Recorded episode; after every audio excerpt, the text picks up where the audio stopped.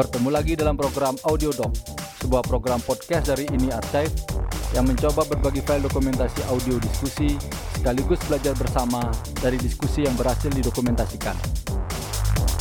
Audio Doc kali ini akan memperdengarkan rekaman audio diskusi dari acara Solidaritas Senja dengan tema diskusi Corruption, tambang dalam pusaran korupsi.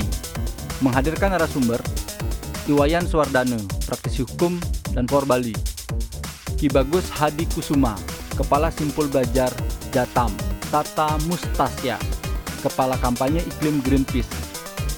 IGA Masrwa Jayantiari, Akademisi Ilmu Hukum UNUD. Dengan moderator Arya Ganaris.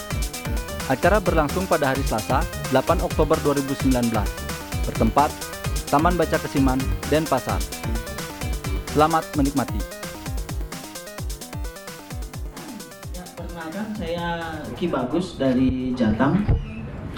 Eh, sebenarnya nggak terlalu banyak yang ingin saya sampaikan ya, karena nanti juga akan ditambahkan dengan Bang Tata terkait dengan hasil riset corruption, korupsi di sektor khususnya di sektor eh, batu bara dari hulu sampai ke hilir, kemudian juga ada kawan-kawan yang lain yang bisa menambahkan. Nah, bicara soal sebelum kita bicara soal revisi undang-undang minerba, sebenarnya ada baiknya juga kita eh, apa ya membongkar dulu bagaimana kondisi pengelolaan sumber daya alam, terutama di sektor pertambangan mineral dan batu bara yang selama ini eksis di Indonesia.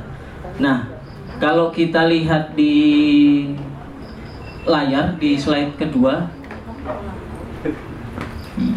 Nah, di layar tuh ada nampak dua peta sebenarnya, dua peta yang satu yang pertama di atas itu adalah konsesi di kisaran tahun 2000 hingga 2005. Yang peta setelahnya itu adalah uh, konsesi di tahun 2010 hingga 2013. Kalau saya tidak salah ingat ya. Nah, Hah?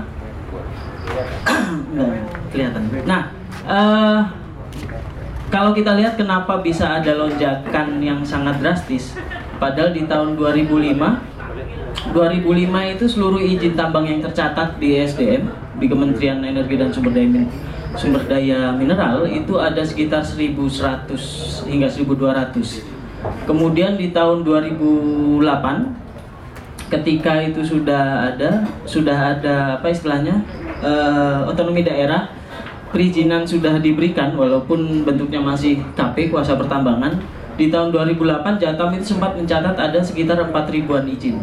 4 ribuan izin di uh, sektor mineral dan batubara di Indonesia. Nah yang menariknya ketika uh, kita sudah mulai melakukan pemilihan kepala daerah secara langsung yang di awal uh, mulai 2009 kalau saya tidak salah ingat. Kemudian juga ada momen muncul undang-undang minerba yang baru di tahun 2009. Lonjakannya sangat drastis. Jadi dalam waktu hanya kisaran tiga tahun saja, eh 4 tahun dari 2009 sampai 2013 ada lonjakan dari 4 ribuan izin melonjak menjadi lebih dari 12.000 izin. Melonjak lebih dari dari tiga kali lipat hanya dalam waktu empat tahun saja. Nah, kenapa ini bisa terjadi? Sebenarnya ada beberapa faktor. Yang pasti eh, terkait dengan undang-undang minerba yang baru yang memberikan wewenang perizinan itu sampai ke level kabupaten kota. Tapi di undang-undangnya sendiri e, mekanisme pengawasan, mekanisme penindakan terhadap kepala daerah itu tidak dirinci secara detail.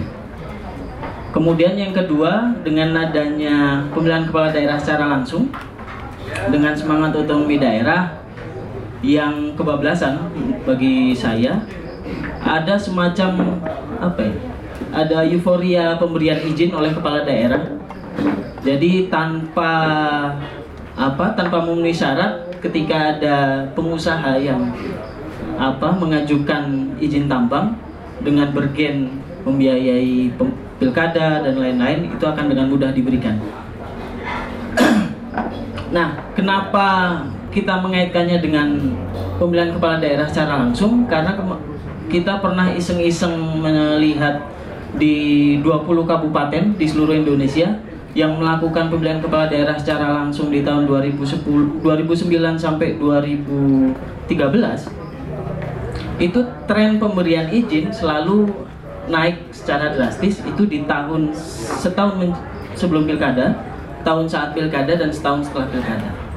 Paling parah misalnya di eh, kabupatennya Rita Widiasari yang sudah ditangkap KPK ini di Kutai Kartanegara.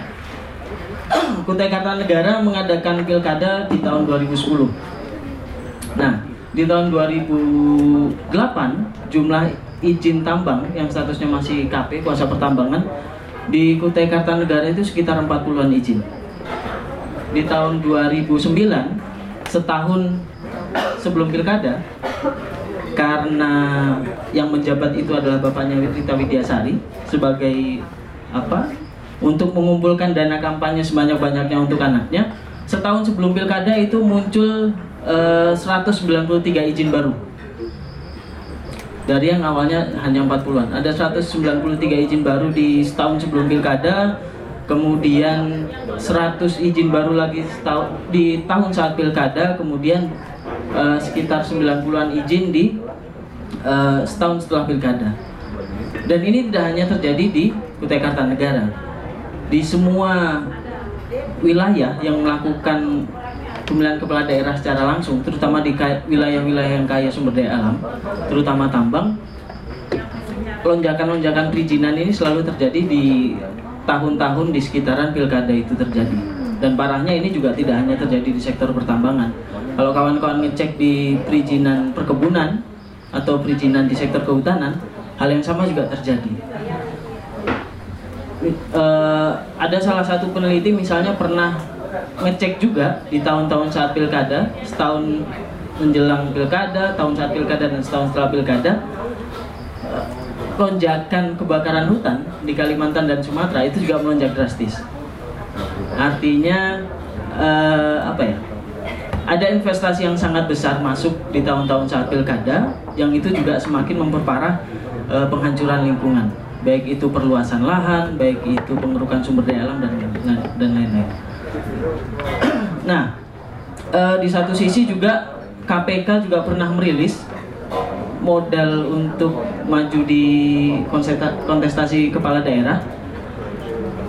E, untuk maju sebagai bupati, bupati atau wali kota itu butuh sekitar 30 sampai eh maaf, 20 sampai 30 miliar. Untuk maju sebagai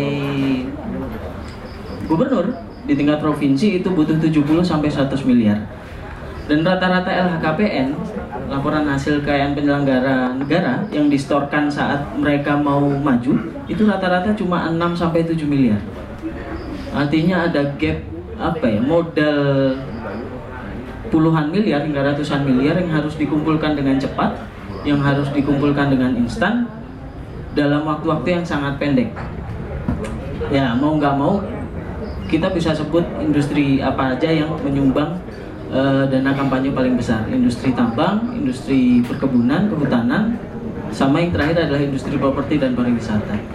Nah ini yang uh, apa ya menjadi salah satu ATM ATM-nya para politisi untuk mendatangkan modal kampanye, modal politik dengan cepat dan instan. Nah, juga tadi sudah disebut sama Bapak moderator soal upaya KPK untuk menertibkan izin di eh menertibkan pengelolaan sumber daya alam di sektor pertambangan. Jadi eh, sebelum KPK melakukan koordinasi dan supervisi di sektor minerba yang diinisiasi tahun 2014 eh, apa ya, bisa dibilang pengelolaan tambang oleh si negara pemerintah ini sangat kacau. Bayangkan misalnya waktu presentasi masing-masing kementerian lembaga waktu itu eh, Kementerian Lingkungan Hidup masih terpisah dengan kehutanan. Dirjen Planologi dan eh, Dirjen Planologi di Kementerian Kehutanan itu memberikan data ada 25 juta hektar tambang di kawasan hutan. tapi yang punya izin pinjam pakai kawasan hutan itu hanya 417 ribu. Nah artinya kan ada 24 juta lebih tambang di kawasan hutan dan Kementerian Kehutanan tahu itu, tapi mereka tidak punya izin pinjam pakai kawasan hutan. Ya balik lagi mungkin nanti bisa dijelaskan sama pakar-pakar hukum yang lain kenapa ini tidak ada penindakan gitu jangan-jangan memang penegakan hukum di Indonesia khususnya di sektor sumber daya alam bukan urusan uh, mampu atau nggak mampu memang kan urusan mau atau tidak mau gitu Kementerian Kehutanan dalam hal ini Dirjen Planologi punya wewenang melakukan penindakan tapi mereka tidak pernah mem, jangankan penindakan mempublish data ini aja tidak pernah kalau tidak dipaksa oleh KPK. Nah, selain itu juga 40% eh, izin yang ada di Indonesia dari 12 sekitar 12 ribu itu 40% tidak punya NPWP. Artinya 40% mereka menambang, mereka tidak pernah menyetorkan kepada negara. NPWP saja tidak punya. Nah, yang lebih parah lagi soal apa ya lucunya ini di sektor pertambangan ada yang namanya uh, dana jaminan reklamasi. Jadi sebelum si perusahaan melakukan penambangan, mereka harus punya pertama dokumen reklamasi dan pasca tambang. Yang kedua, mereka harus menyetorkan dana jaminan reklamasi kepada uh, institusi pemberi izinnya. Dalam hal ini pemerintah daerah, bisa kabupaten atau provinsi. Nah, uh, ketika mereka tidak melakukan reklamasi dan pemulihan di ruang di wilayah yang bekas mereka tambang, artinya ini menjadi beban negara yang menerima apa dana jaminan reklamasi untuk melakukan pemulihan. Nah, besarannya ini yang sangat apa ya, sangat kecil. Bayangkan untuk tiap wilayah beda misalnya. Untuk Kalimantan Barat kita pernah ngecek dana jaminan reklamasi per hektar hanya sekitar 400 sekian ribu untuk satu hektar 400 ribu untuk satu hektar mau nanam beli bibit saja tidak cukup kalau mau apa melakukan pemulihan nah parahnya lagi 80% tambang di Indonesia itu tidak menyetorkan dana jaminan reklamasi 60 persennya tidak punya dokumen reklamasi dan pasca tambang. Artinya sejak awal memang mereka tidak pernah ada niatan untuk uh, apa ya? Setelah beres nambang memulihkan lubang-lubang tambangnya. Hasilnya apa? Uh, di Indonesia kita baru ngecek di sektor batu bara saja, belum tambang yang lain, belum tambang mineral yang lain. Kita ngitung kasar dengan citra satelit itu ada sekitar 3033 lubang tambang di Indonesia. 3033 lubang tambang di Indonesia yang sampai sekarang juga gak jelas setelah ditambang ini mau ditutupkah, mau dijadikan lahan eh, rekreasi atau apa itu yang tidak jelas sampai sekarang. Dan parahnya di undang di revisi undang-undang minerba yang draftnya sudah disetujui oleh pemerintah dan DPR ini, lubang-lubang tambang ini boleh dijadikan sebagai sarana irigasi untuk pertanian, boleh untuk sarana budidaya perikanan, boleh untuk sarana rekreasi pariwisata. Padahal khusus untuk tambang batu bara misalnya eh, kandungan logam beratnya sangat tinggi terutama di apa timbal PP kemudian di besi FE kemudian e, mangan. Nah belum lagi soal bagaimana apa ya keamanan lubang-lubang tambang ini. Karena kalau kita balik ke regulasi misalnya di apa Kemen LHK nomor 24 eh nomor 7 2014 kalau saya tidak salah ingat ada apa ya batasan jarak minimal lubang tambang dengan pemukiman minimal jarak 500 meter. Nah, faktanya di lapangan, terutama di Kalimantan Timur, nanti mungkin Mas Tata bisa apa eksplor lebih banyak. Di Kalimantan Timur itu lubang tambang ada di belakang rumah. Gitu. Jadi orang buka pintu dapur udah langsung ketemu lubang tambang. Lubang tambang ada di belakang sekolah. Bayangkan anak-anak yang apa eh, bermain di sekitar sekolah itu setiap hari juga harus berhadapan dengan ancaman kehilangan nyawa karena terperosok di lubang-lubang tambang.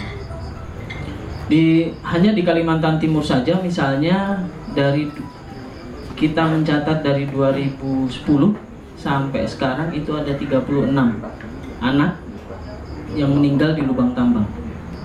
Nah artinya apa ya? Eh, apakah semurah itu harga apa ya? Harga masa depan bangsa ini dihadapkan dengan kepentingan ekonomi sesaat dari uh, tambang batu bara. Nah, kalau kita lompat langsung ke revisi undang-undang minerba yang sebenarnya ada di slide ini nanti bisa dibagi, tapi saya tidak akan mengacu di slide ini karena terlalu panjang, ada sekitar 30-an. Nah, uh, kalau kita lihat di momen apa sih sebenarnya revisi undang-undang minerba ini tahu-tahu bisa muncul dengan singkat gitu.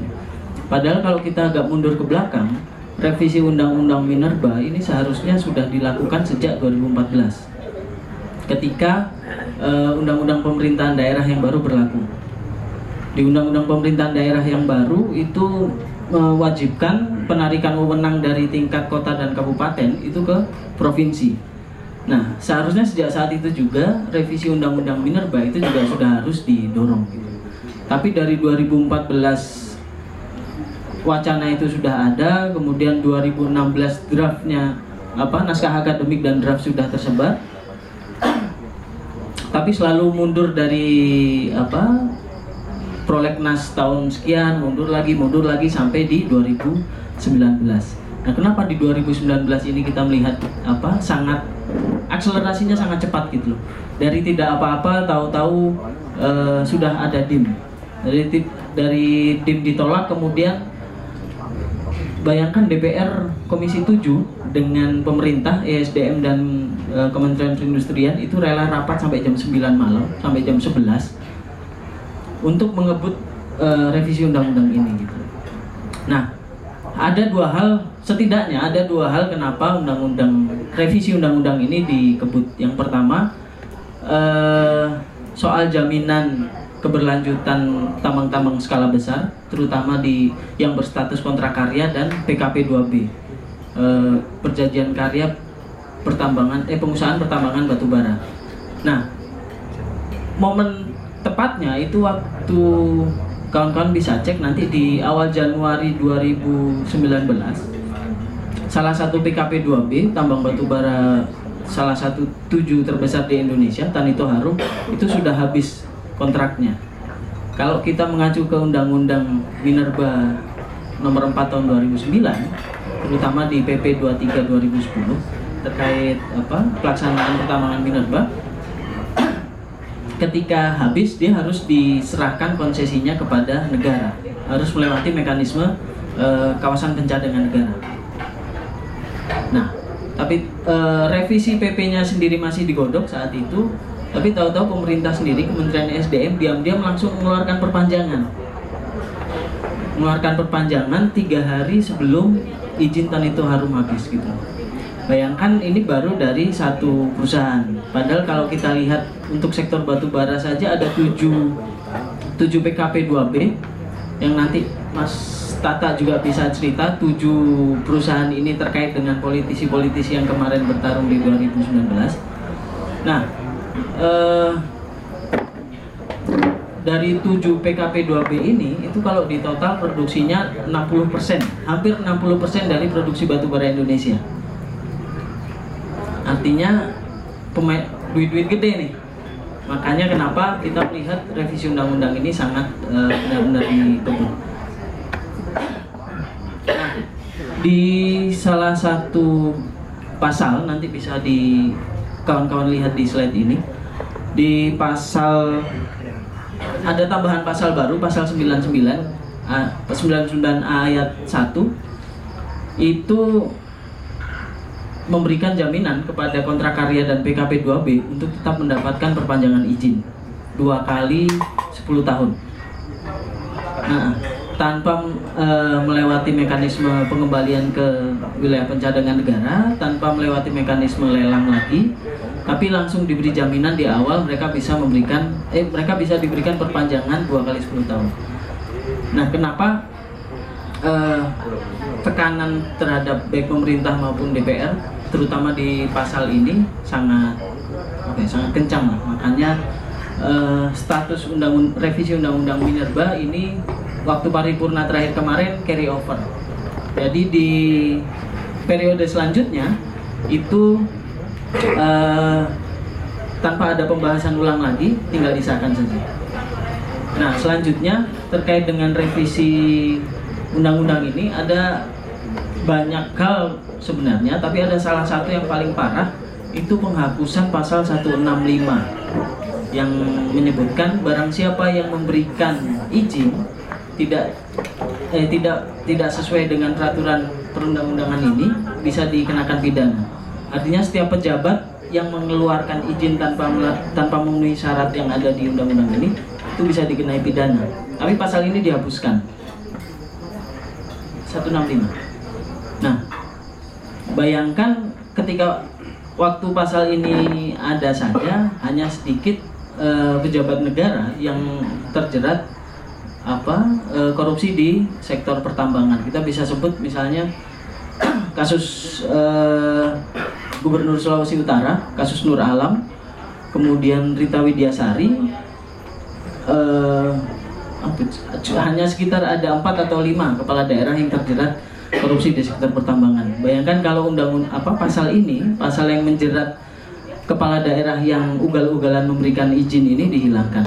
Artinya mereka bisa saja apa memberikan izin tanpa memenuhi syarat, tanpa NPWP, tanpa setoran dana jaminan reklamasi, tanpa dokumen reklamasi dan pasca tambang. Tapi ketika apa terjadi pelanggaran, ya mereka tidak bisa terjerat apa-apa gitu. Nah, itu salah satu apa uh, poin ngawur lah yang ada di revisi undang-undang minerba.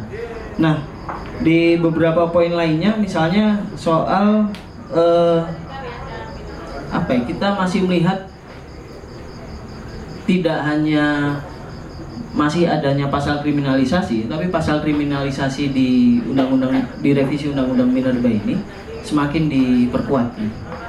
Kalau dulu hanya ada satu pasal saja, yang menyebutkan bisa di denda 3 miliar dan pidana 2 tahun kalau saya tidak salah ingat. Kemudian di revisi undang-undang yang baru itu ada ditambahkan lagi uh, apa penyitaan aset kepada si pelakunya.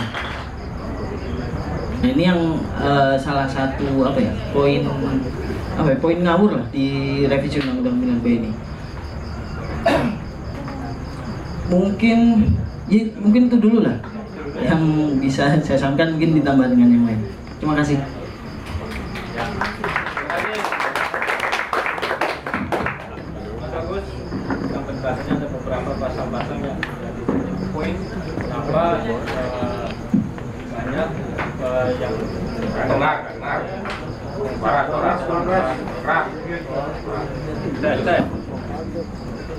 Mungkin langsung ke Mas Tata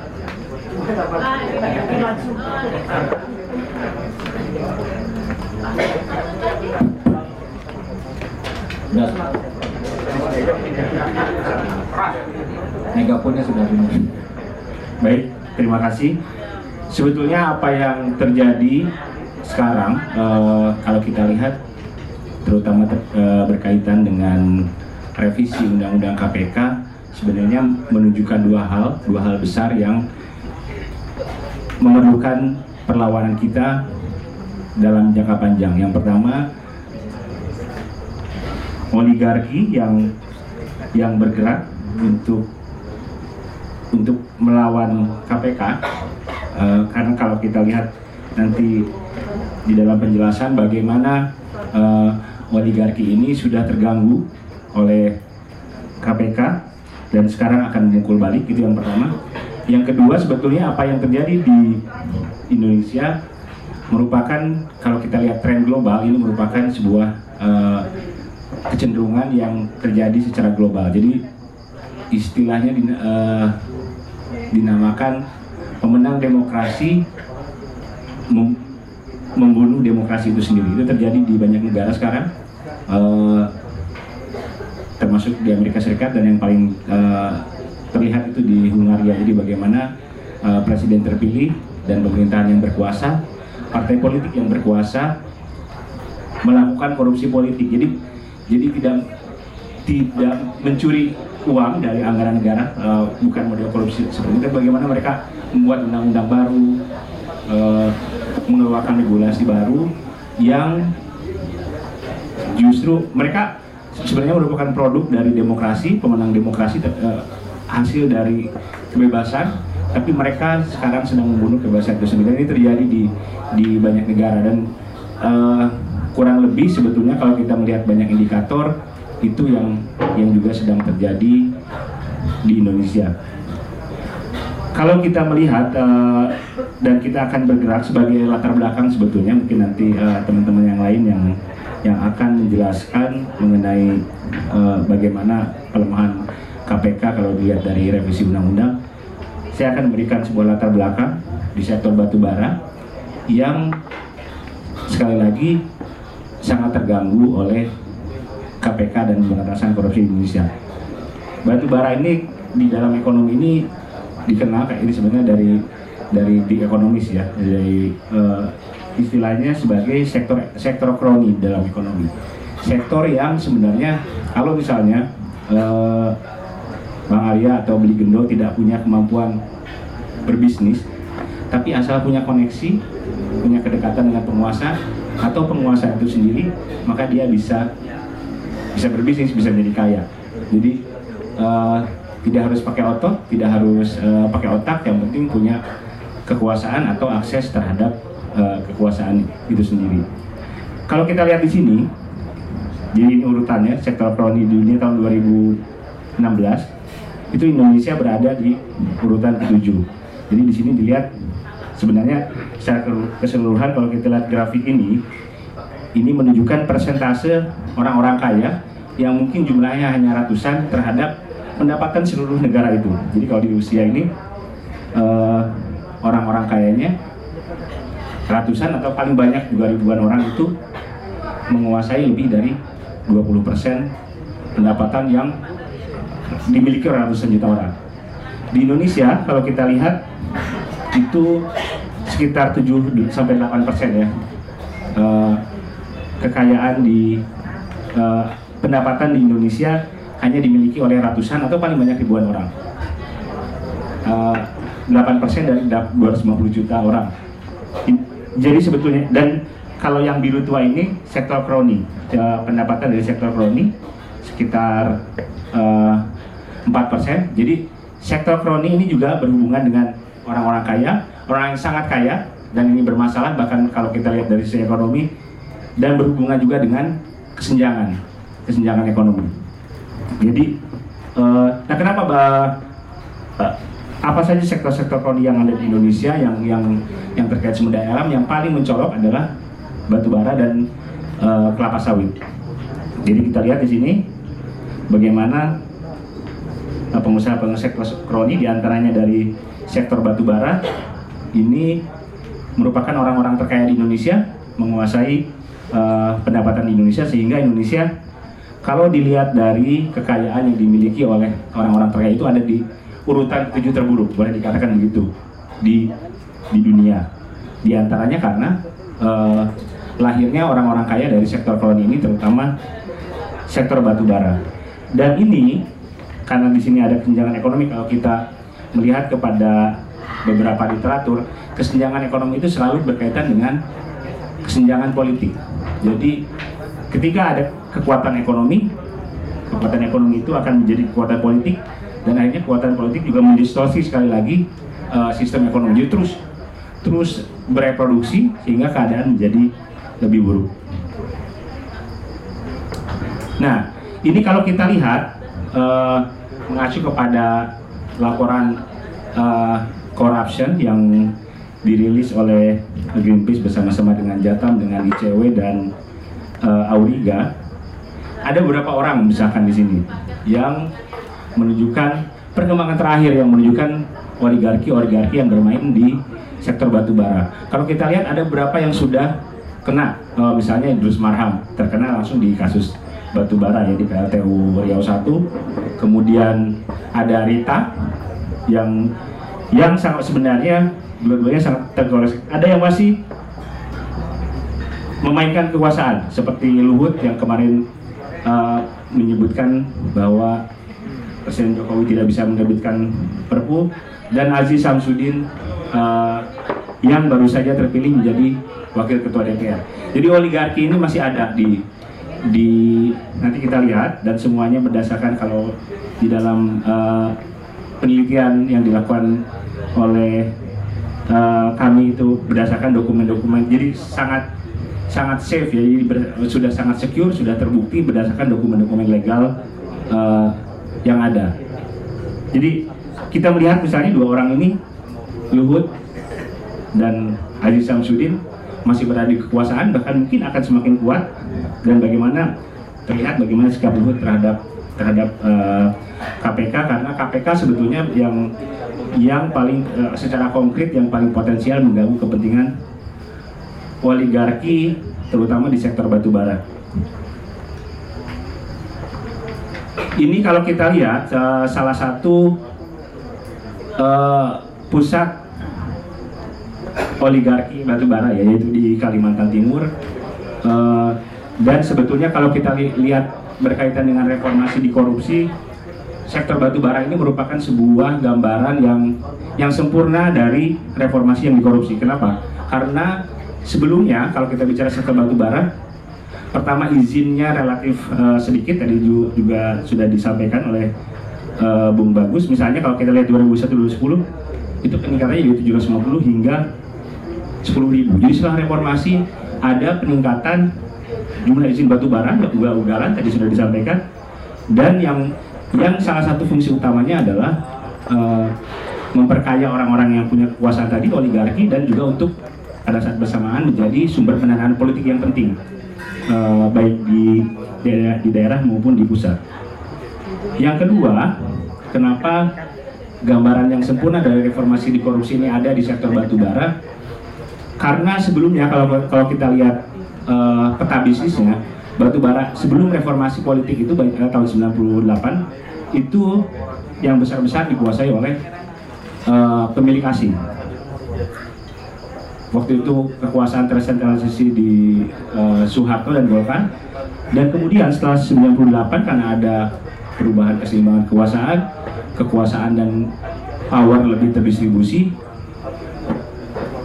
perusahaan-perusahaan asing menjadi tidak stabil posisinya secara politik dan akhirnya elit-elit politik nasional yang bekerja sama dengan elit politik daerah masuk ke sektor ini mengkorupsi Indonesia dari uh, sektor batubara. Jadi itu sebabnya kalau kita mau melihat sebuah gambaran yang yang konkret dari bagaimana reformasi yang uh, dilakukan pada tahun 1998 di Korea itu, itu gambaran sempurnanya terjadi di uh, bisnis pertambangan batu bara. Ini beberapa uh, uh, poin yang sebenarnya bisa menjadi sumber korupsi di sektor batu bara, bisa dipajak, bisa dioperasi dan sebagainya. Kemudian ada permasalahan uh, beneficial owners, jadi pemilik yang sebenarnya. Jadi uh, di dokumen bisa saja secara formal disebutkan pemiliknya uh, Bung Bagus, tapi sebenarnya pemiliknya saya. Saya merupakan elit politik itu itu uh, sering terjadi dan lebih sulit dibuktikan dibandingkan uh, bisnis yang yang langsung mencantumkan nama, eh, nama pemiliknya, nama elit politik sebagai pemiliknya. Ini beberapa contoh bagaimana di sebenarnya.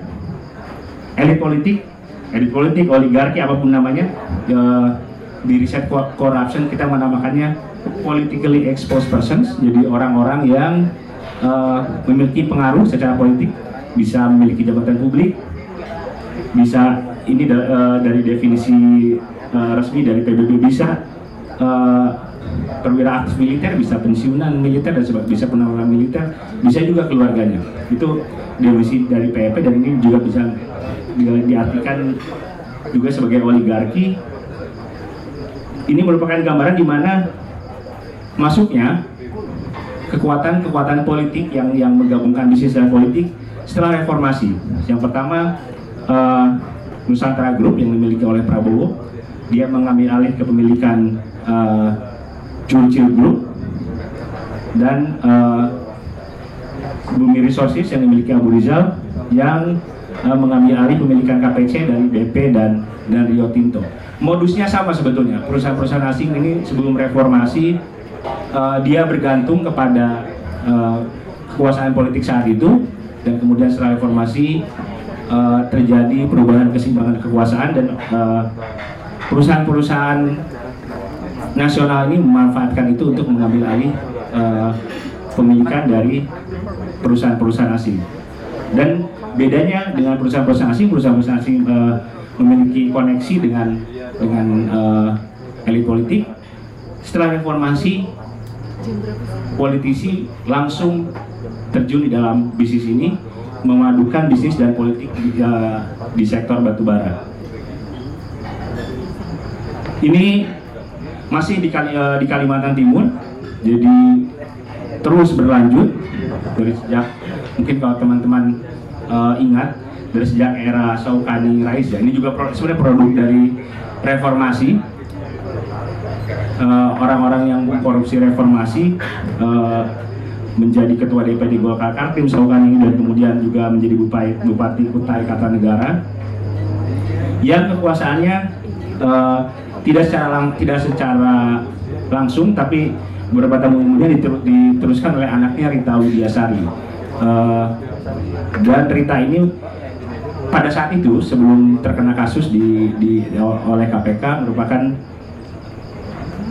boleh dibilang pemain penting di di dalam uh, politik di Kalimantan Timur, ketua DPD Golkar Kaltim dan kalau saja tidak terkena uh, kasus korupsi sepertinya tidak akan terhentikan pada saat itu untuk, menjadi gubernur uh, Kalimantan Timur.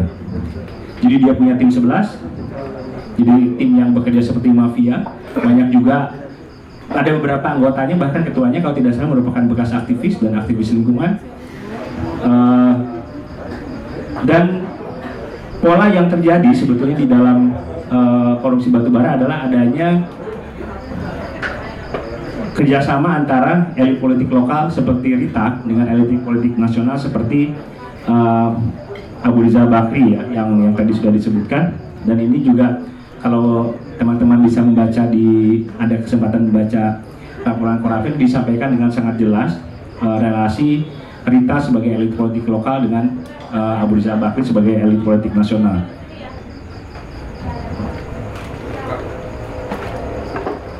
Nah kemudian jika kita bergerak lagi uh, tadi dari nasional bagaimana uh, sektor batubara menjadi uh, tempat korupsi politik yang dilakukan oleh uh, para elit dan kemudian pusatnya ada di Kalimantan Timur.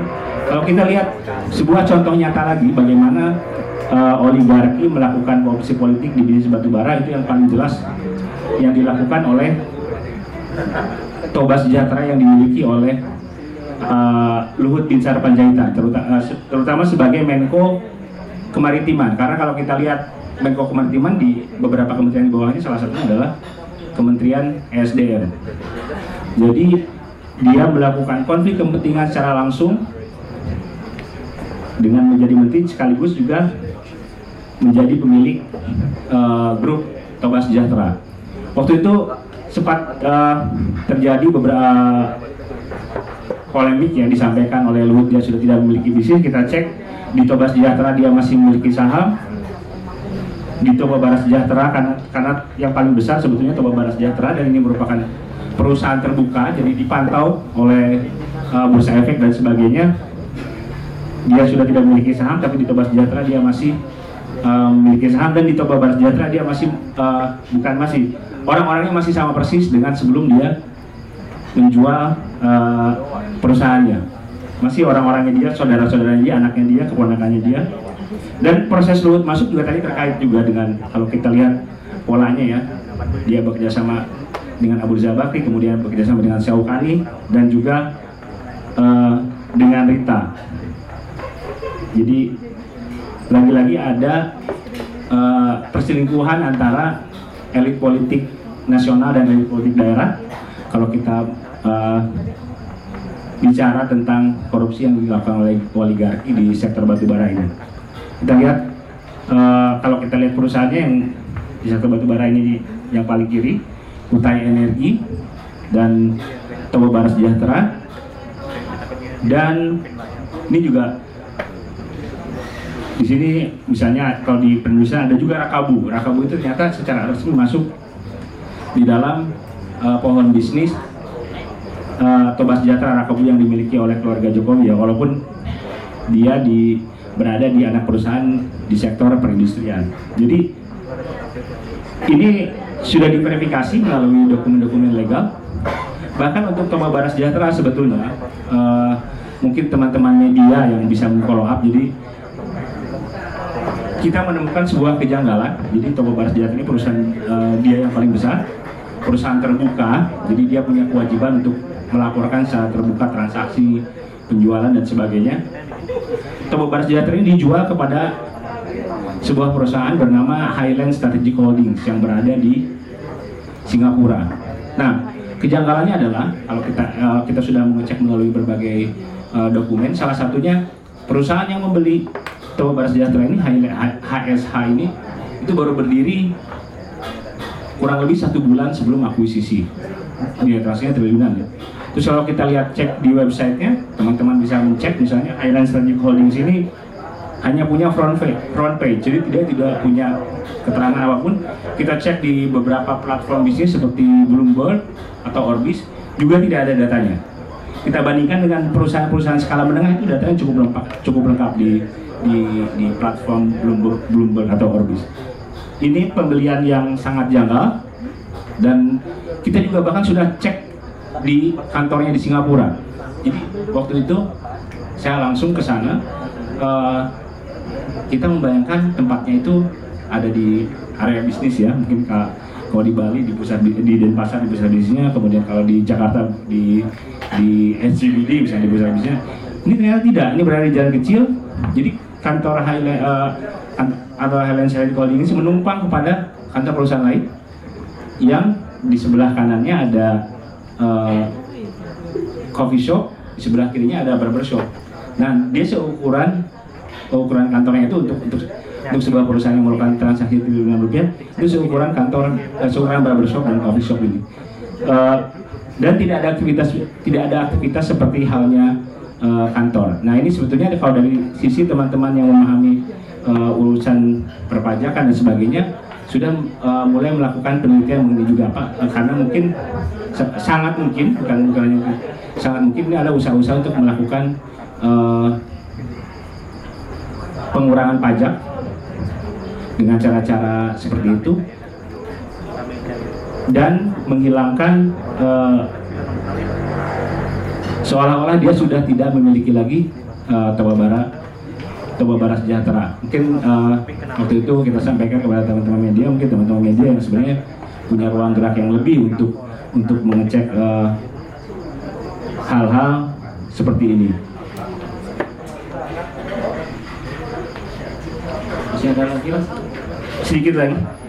Nah ini orang-orang ya, kalau kita bicara orang-orang, ini ada konsistensi orang-orang yang ada di di beberapa di pohon bisnis Luhut misalnya di Toba Sejahtera ada uh, anaknya David Panjaitan terus beberapa kalau kita ingat Jusman Safi Jamal bekas menteri terus beberapa perwira yang satu angkatan dengan dengan dia ya Fahru Razi Sumardi. Begitu pula di Toba Barat Sejahtera di pun di kota energi kalau kita lihat ada Suhadi Malasabesi ada Hamid Awaludin bekas menteri dan juga di beberapa perusahaan lainnya ada Pandu Patria Sahri ini ke keponakannya dan juga ketua APBI Asosiasi uh, Perusahaan Batubara Indonesia. Jadi ini menunjuk ini juga keterkaitan Luhut dengan dengan uh, Jokowi sebagai presiden. Kalau kita cek di Rakabu di dokumen hukumnya juga orang-orangnya sama. Jadi di Rakabu Sejahtera juga orang-orangnya ada Jusman Safi Jamal dan sebagainya. Jadi masih berputar seputar itu ini beberapa uh, kasus yang sebenarnya menunjukkan bagaimana karena ada korupsi politik kasus-kasus ini diabaikan kasus lubang tambang Toba Sejahtera uh, memiliki 23 lubang tambang yang ditelantarkan. Uh, Kutai Energi juga. Terus kasus sengketa tanah juga sangat janggal. Keputusan pengadilan misalnya beberapa teman-teman uh, bisa baca di laporannya sudah menunjukkan dengan jelas bahwa perusahaan Lut dikalahkan tapi tidak ada eksekusi lebih lanjut dan uh, tidak ada intervensi dari pihak-pihak uh, yang berwenang untuk untuk menerapkan keputusan hukum yang yang yang sudah ada. Saya kira uh, itu dulu dari saya. Jadi sebetulnya kalau kita melihat uh, apa yang terjadi dengan dengan KPK sekarang sebenarnya dari satu sektor saja dari politik uh, dari sisi sektor batubara dan dan kita yakin tentu ada sektor-sektor lain. Itu merupakan sebuah bentuk sebenarnya dari perlawanan dari dari oligarki yang yang terganggu kepentingannya oleh pemberantasan korupsi. Dan bagaimana selama ini mereka sebenarnya yang menjadi persoalan sehingga persoalan lingkungan ini menjadi persoalan bangsa. Karena bagaimana pendanaan politik juga berasal dari uh, sektor kronis seperti sektor batubara ini. Seperti yang tadi saya sebutkan ada persoalan uh, berdominannya sektor ekonomi kroni.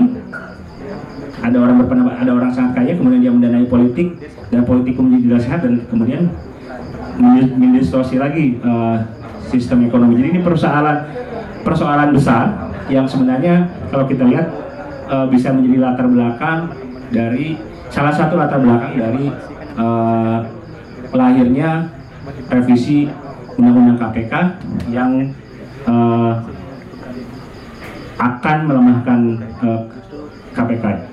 Demikian dari saya Bung Baik Mas, terima kasih.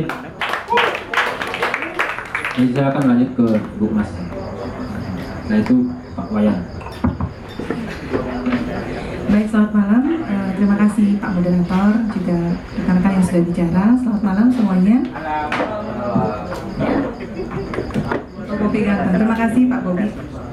Oke, rekan-rekan tadi uh, cukup jelas ya apa yang disampaikan oleh uh, pembicara pertama dan kedua. Tapi tampaknya saya uh, lebih banyak ingin memotret dari optik uh, akademik ya, karena memang hadirnya di sini kan sebagai uh, perwakilan akademisi, uh, sehubungan juga dengan apa hal-hal yang perlu kita cermati dari aspek uh, filosofis, yuridis, sosiologis dan teoritis yang itu memang menjadi bagian uh, saya selaku akademisi.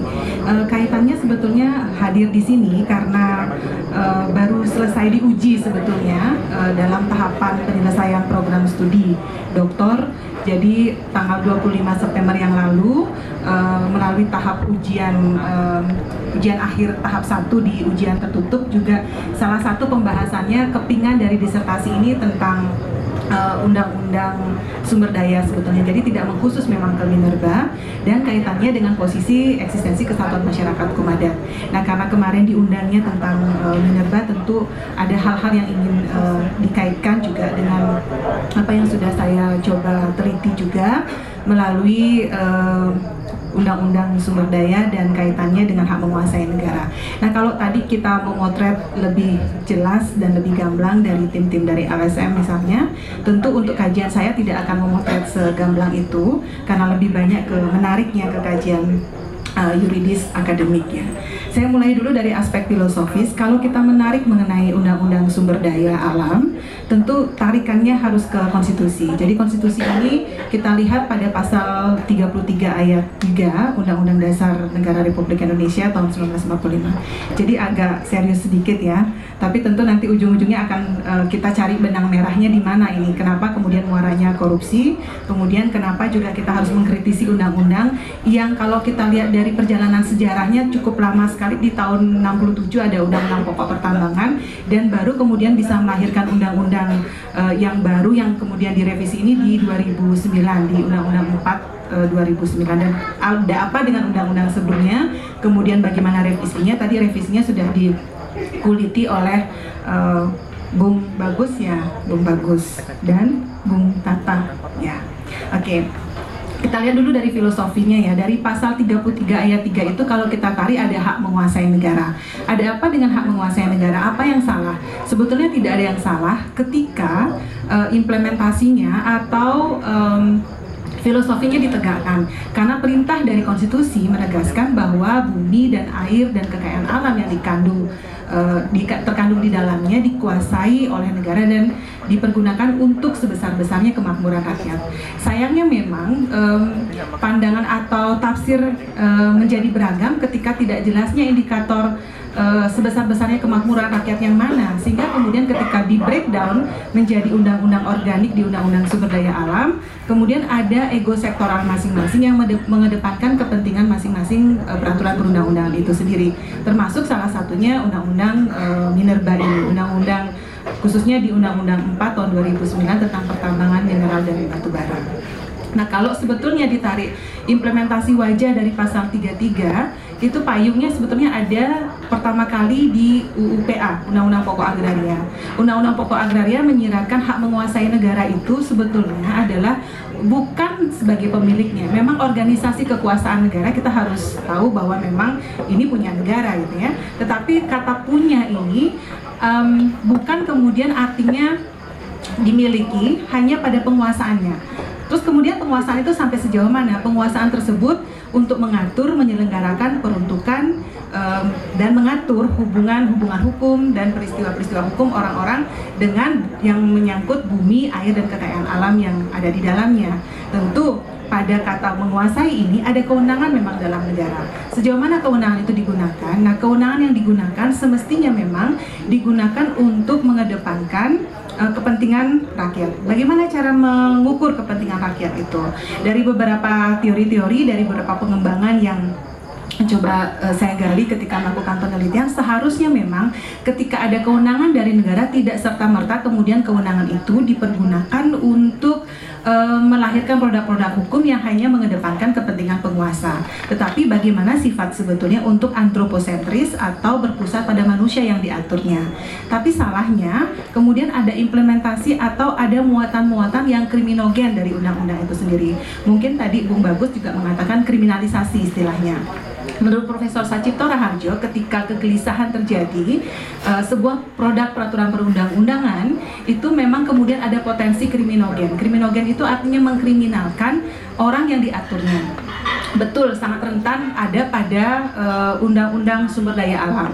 Salah satunya di Undang-Undang Kehutanan yang kemudian beberapa kali uh, keluar putusan Mahkamah Konstitusi sebagai harapan kesekian begitu ya harapan untuk uji material undang-undang di judicial uh, judicial review kemudian sampai tiga kali salah satunya memang mengatakan um, anda apa akan melakukan tindak pidana bagi mereka yang mengambil manfaat dari hutan itu sendiri termasuk salah satunya saya catat uh, di undang-undang Minerba ini pasal 115 masyarakat yang menolak lahannya diberikan kepada perusahaan tambang maka merupakan tindak pidana. Ini salah satu potensi-potensi yang kriminogen. Kalau ditarik ke teoritiknya, sebetulnya pada substansinya eh, undang-undang ini memang ada potensi um, tidak sampai kepada rakyat itu sendiri. Kemudian di kajian filosofinya lagi, ketika hak menguasai negara tersebut tampak um, bahwa ada kewenangan dari negara, kemudian ada pasal-pasal selain yang kriminogen tadi, ada juga hal-hal yang eh, isu-isu uh, penting bahwa undang-undang ini seolah-olah menyediakan memang menyediakan eh, undang-undang uh, untuk para pemodal yang uh, ditarik ke ekonomi global. Salah satunya itu memang ada di konsideran menimbang pasal uh, konsideran menimbang Undang-Undang 4 tahun 2009 tentang pertambangan mineral dan batu bara. Jadi di konsiderannya jelas sekali kita bisa memotret uh, kita bisa jeli bahwa memang ternyata sebuah produk peraturan perundang-undangannya uh, sangat berisi muatan bagaimana uh, si pembuat ini menghendaki mau dibawa ke mana itu jadi sejak sudah dilahirkan sebetulnya ada potensi-potensi, ada indikasi untuk kepentingan-kepentingan apa undang-undang itu dibuat. Jadi itulah yang Profesor Sacipto Raharjo katakan bahwa memang ada potensi kriminogen dan juga e, menjadi tidak sampai pada rakyatnya sehingga diperlukan celah e, celah hukum yang progresif yang lebih melihat bahwa sebetulnya undang-undang ini hanya diperlukan untuk e, kepentingan rakyat atau kepentingan masyarakat itu sendiri. Nah, kemudian dari aspek uh, yuridisnya kita memang bisa melihat uh, peraturan perundang-undangan khususnya di uh, Minerba tadi sudah banyak disampaikan bagaimana undang-undang tersebut uh, memiliki indikasi untuk um, tidak sampai pada rakyatnya. Salah satunya misalnya di pasal 6 huruf E di Undang-Undang Minerba yang sebelumnya ya, sebelum dilakukan uh, revisi ini, salah satu penetapan wilayah pertambangan misalnya itu bisa menginvasi ke wilayah hak-hak rakyat yang sebelumnya dipunyai oleh uh, dikuasai penguasaannya ada pada rakyat. Jadi memang betul-betul tidak sampai pada tujuan uh, pembentukan peraturan perundang-undangan yang semestinya yang idealnya untuk kemanfaatan, kepastian hukum dan keadilan. Sehingga betul ketika misalnya salah satu wilayah pertambangan itu uh, di berikan izinnya oleh pemerintah daerah dengan berkonsultasi kepada DPR. Jadi jelas sekali, apalagi kemudian kita tahu apa isinya DPR-nya, ada konfigurasi politik mana. Tetapi bagaimanapun sebetulnya tetap secara uh, pertimbangan akademik ya harus uh, ada porsi untuk melihat bahwa undang-undang atau peraturan perundang-undangan ini ditentukan atau dibuat untuk uh, apa sebetulnya tujuannya. Jelas kalau kita kembali ke kajian teoritiknya harus berpusat pada manusia yang diaturnya. Jadi tidak saja karena memang ada kewenangan dari negara, tapi juga bagaimana kemudian peraturan perundang-undangan itu memperhatikan siapa yang diaturnya. Jadi bukan justru kemudian ada tindakan-tindakan kriminalisasi ataupun kriminogen di dalamnya. Gitu ya.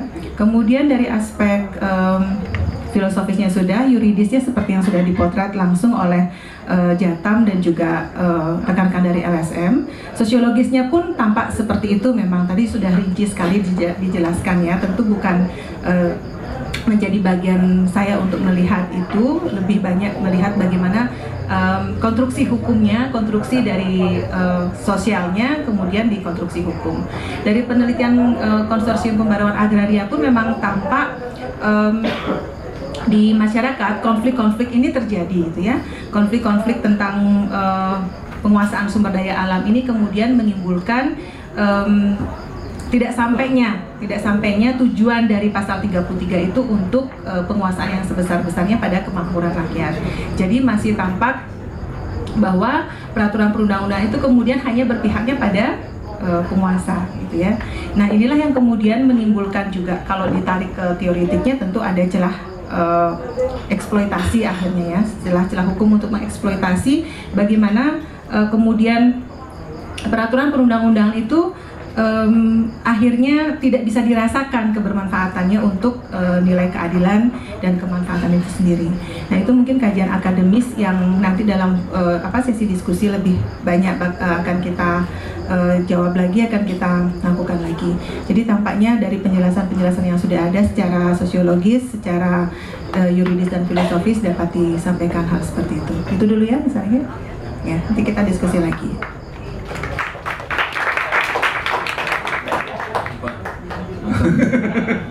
giliran aku langsung.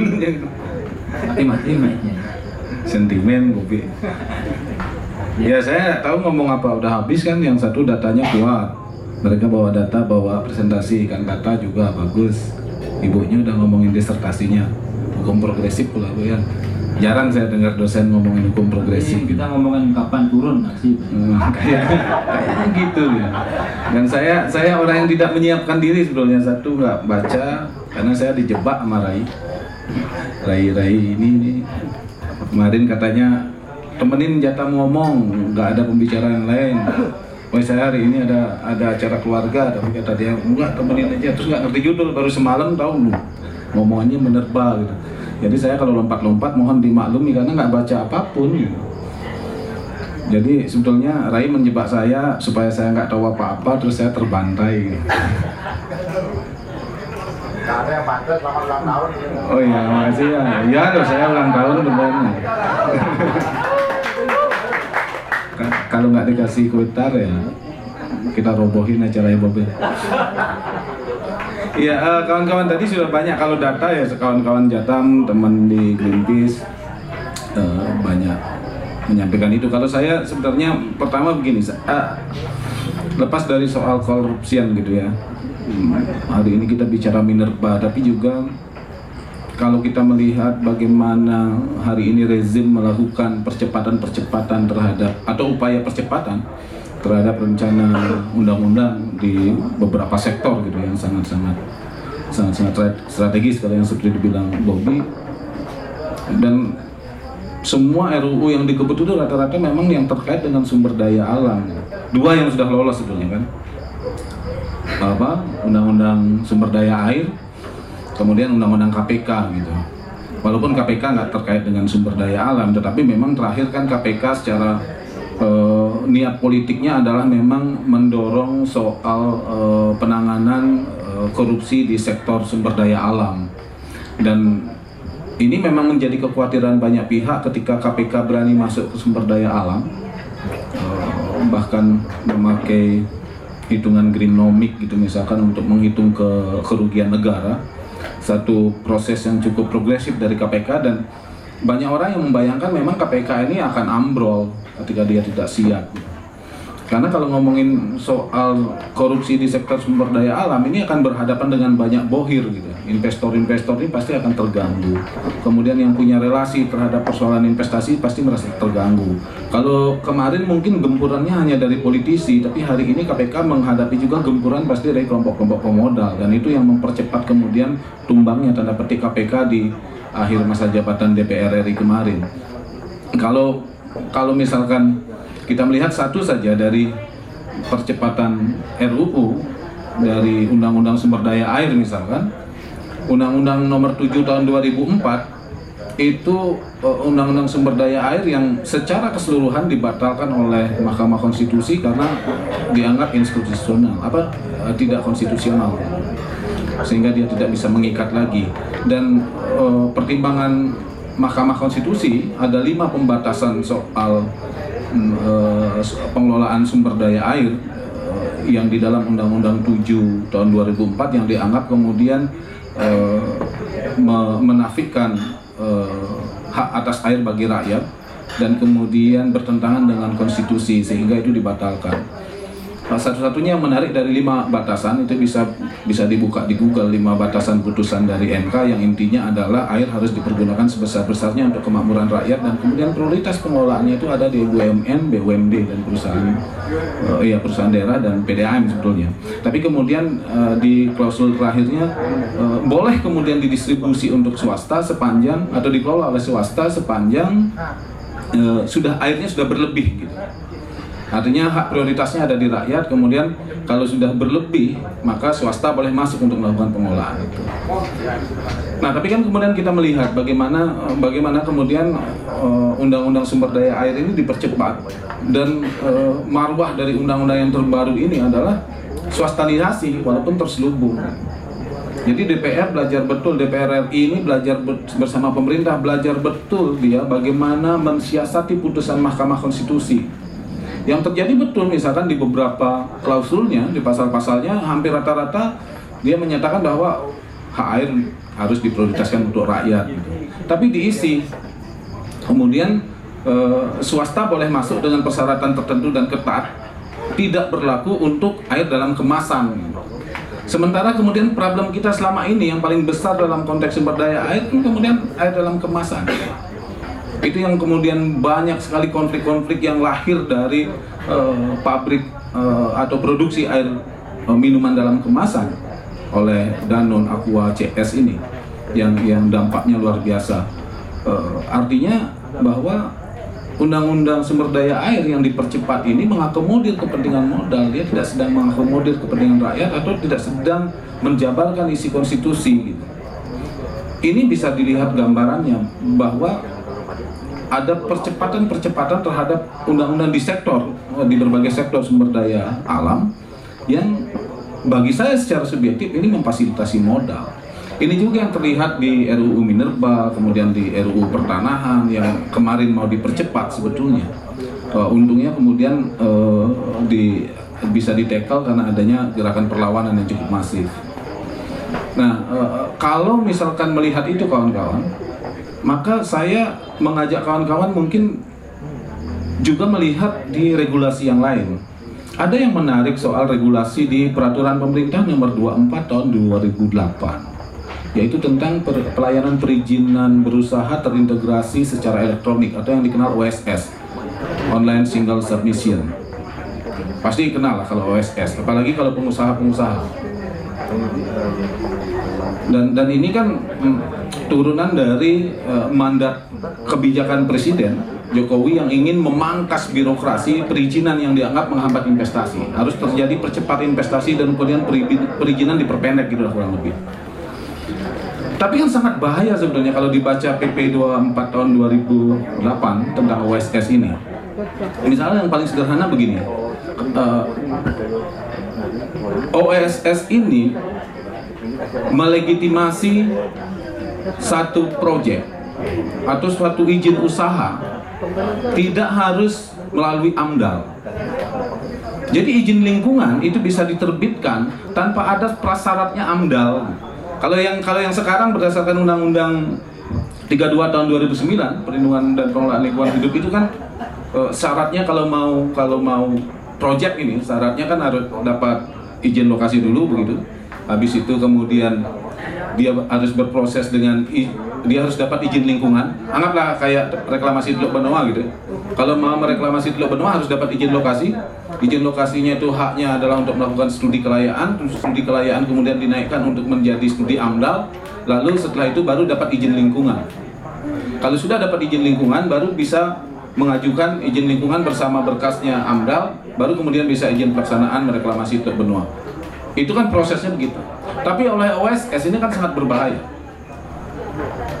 Kalau Anda nanti mendapatkan izin lokasi, kalau Anda sudah mendapatkan izin lokasi, Anda bisa langsung mendapatkan izin lingkungan. Kendati kemudian AMDALnya cukup dengan komitmen.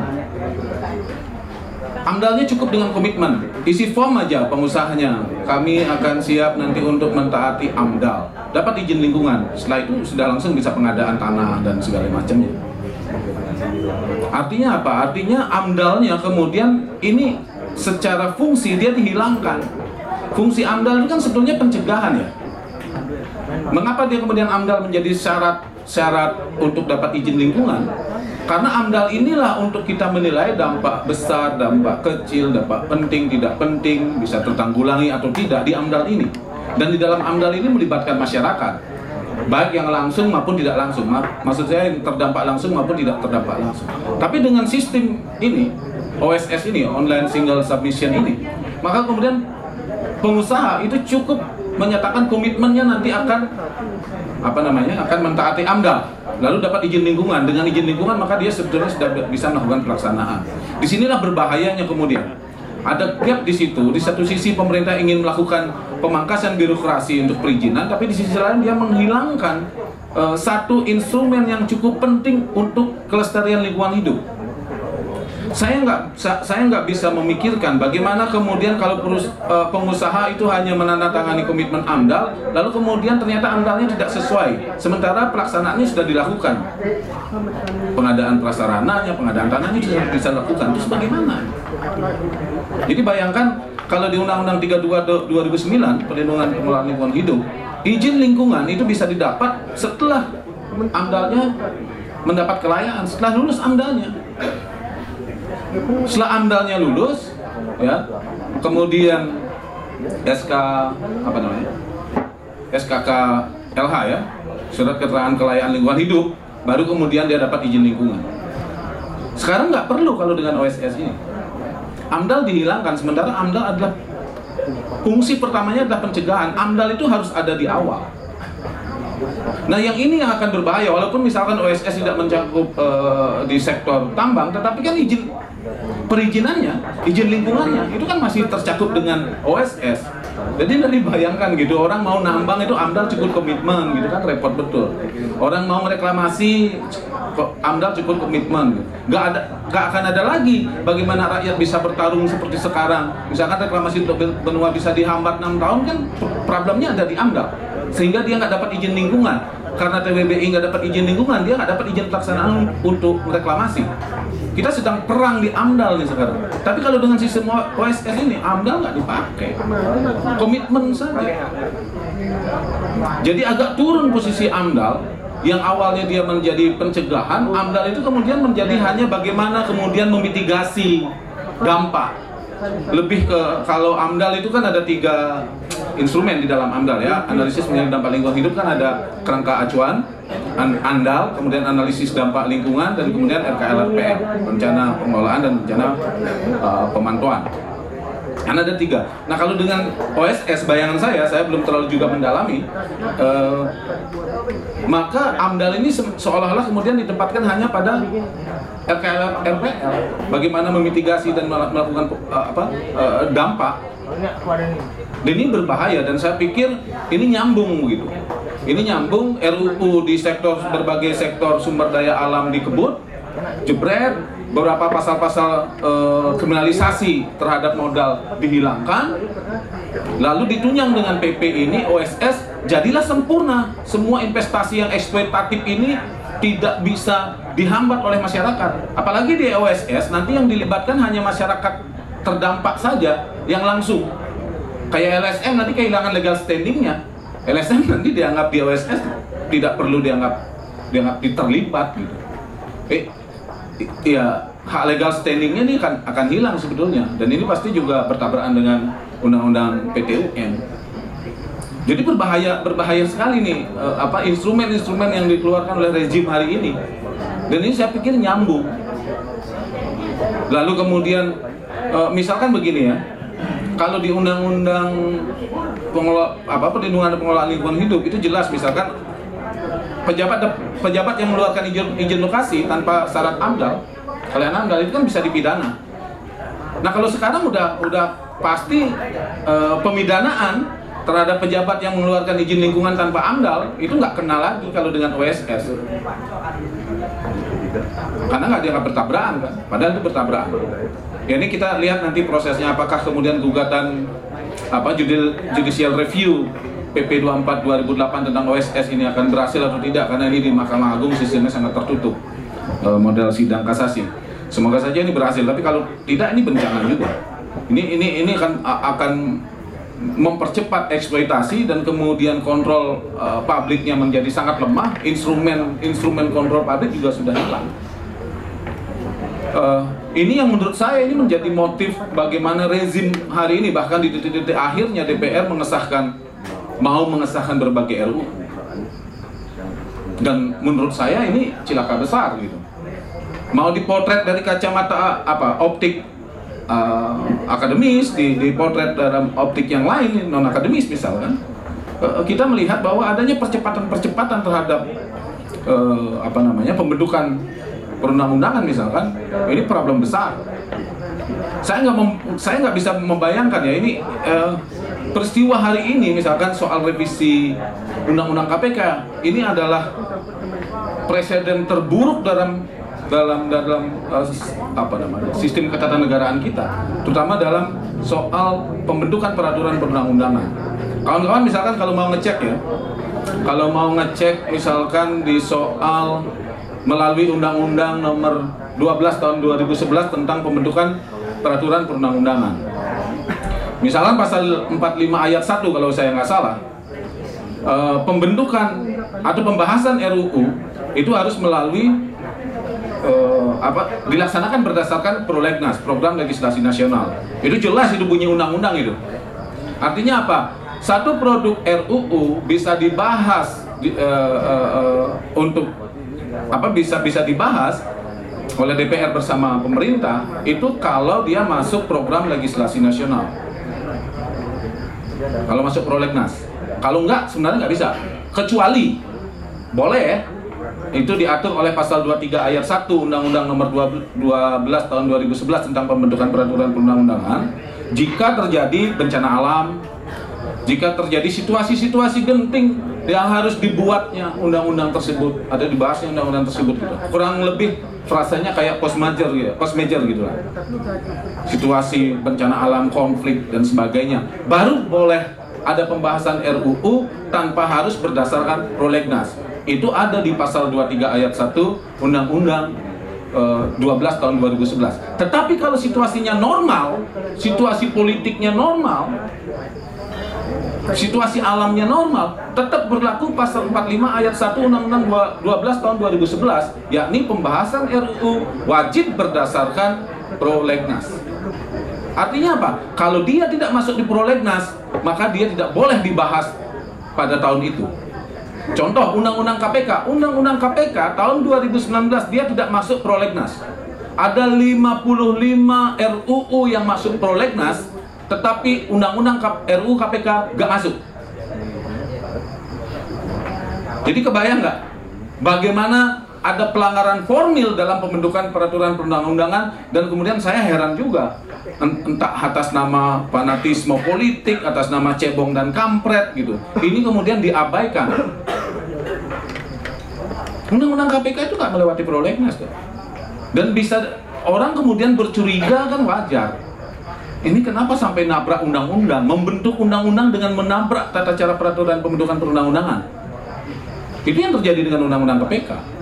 Kalau caranya saja dia sudah tidak masuk di prolegnas, lalu kemudian ada daftar inventaris masalah dari presiden ketika diminta pembahasan oleh DPR, siapa juga yang tahu apa daftar inventaris masalahnya yang dibahas? Kan nggak ada yang tahu. Apalagi presiden dalam dalam waktu hitungan hari dia mengeluarkan surat presiden. Di di saya lupa pasalnya di Undang-Undang 12 tahun 2011 jelas itu. Untuk pembahasan RUU, presiden itu punya waktu 60 hari untuk berpikir. 60 hari, dua bulan. Untuk berpikir apa? Supaya nanti presiden itu diharap membaca satu RUU, paham betul isi RUU, bisa kemudian meminta masukan publik, bisa kemudian mengajak para ahli-ahli, sehingga nggak ada lagi jawaban. Saya belum baca undang-undang se- setelah disahkan, itu kan repot. Nggak boleh presiden bilang saya nggak baca undang-undang, saya nggak tahu isu undang-undang, misalkan begitu nggak boleh. Karena ada 60 hari waktu untuk berpikir dan itu diatur oleh undang-undang. Tapi apa yang dilakukan oleh Presiden Jokowi? Nggak, nggak, nggak ada 10 hari. Berapa hari? Tiga hari. Tiga hari sudah beliau mengeluarkan surat presiden mengutus atau memberi mandat kepada uh, Menkumham untuk mewakili pemerintah membahas RUU KPK. Yang kemudian hasilnya uh, wajar kemudian banyak orang bicara bahwa uh, ini adalah pelemahan KPK karena karena soal penya, eh, apa munculnya dewan pengawas yang dia mem- masuk ke teknis penanganan perkara yang selama ini ada di di komisioner. Dewan pengawas melebihi. Dia pro justitia ini yang yang yang yang yang yang, yang agak aneh. Nah, kalau melihat gelagatnya seperti itu kemudian saya menduga kemudian bahwa memang benar eh, dugaan banyak pihak bahwa KPK ini akan rubuh ketika masuk ke sektor-sektor sumber daya alam, ketika masuk ke korupsi sumber daya alam. Roboh dia, karena karena makin tampak musuhnya. Dan hari ini di, di dipotong sedemikian rupa bahkan dengan melakukan pelanggaran formil terhadap pembentukan perundang-undangan. Ini ini yang menurut saya kemudian eh, harus dicermati eh, apalagi kemudian dalam konteks sumber daya alam ada lagi PP 24 tahun 2008 yang saya bilang. Itu sudah makin lengkap ini.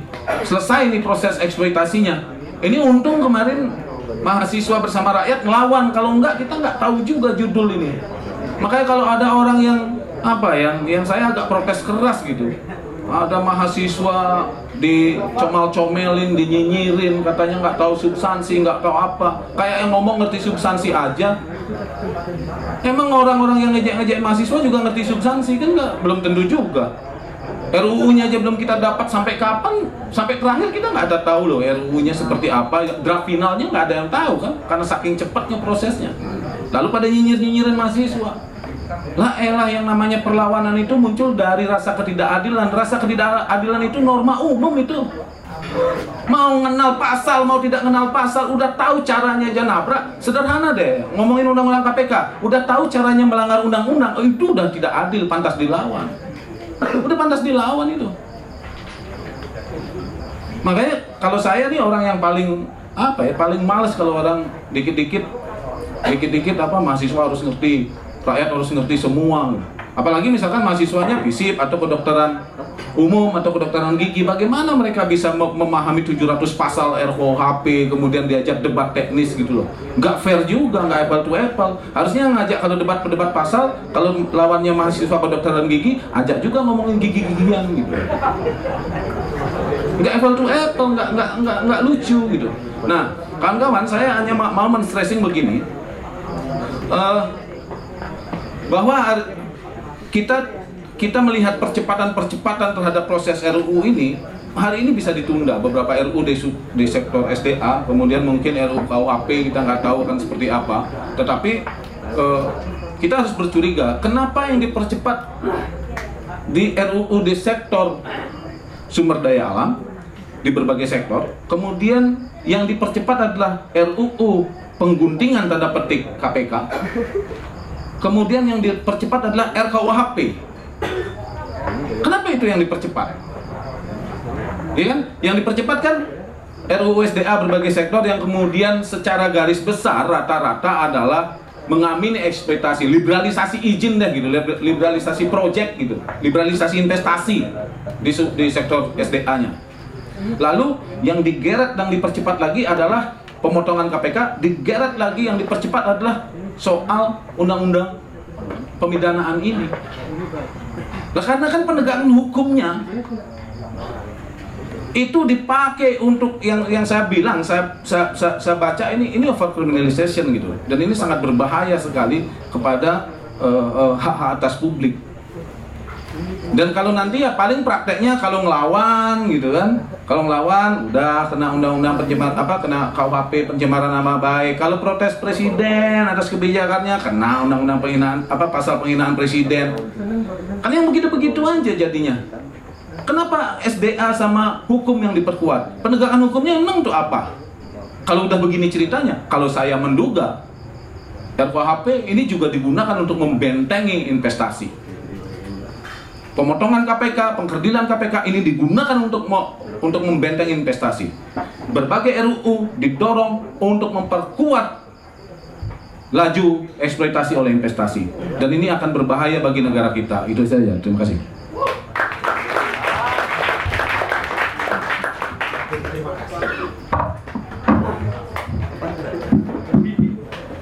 Terima kasih. Wayan, gimana sudah siap spanduk awalnya?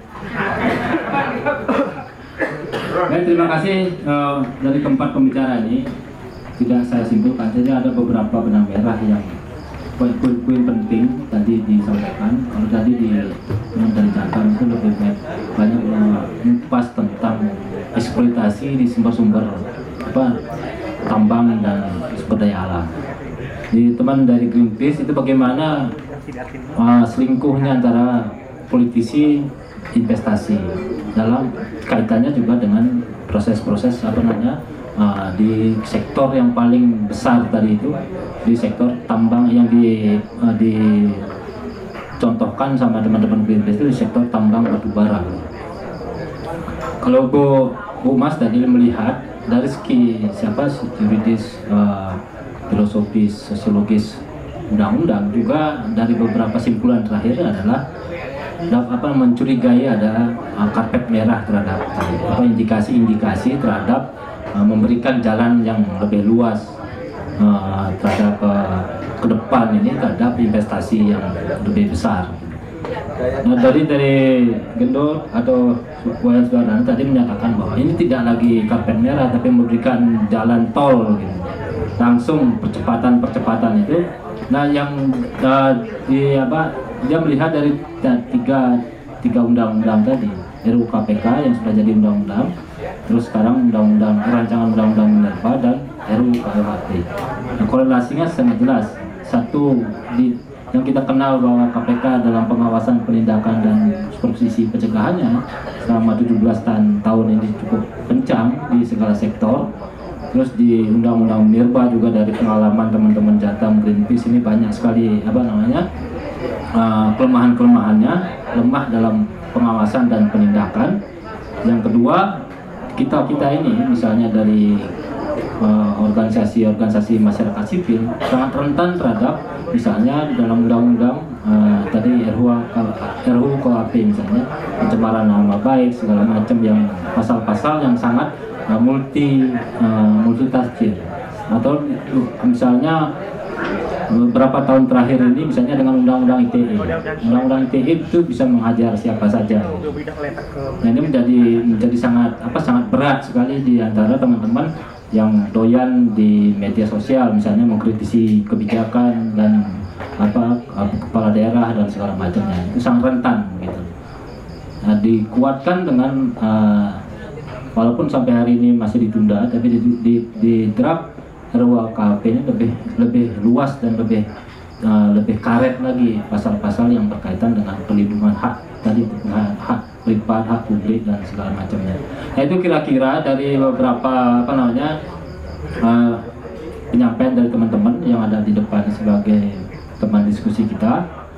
Dan dia ini memang agak berat diskusinya materinya undang-undang tadi pasal-pasal segala macam. Mungkin saya minta teman-teman ada yang uh, menanggapi atau ada pertanyaan satu dua tiga tiga Ya, ya. Mungkin dari kanan saya ada?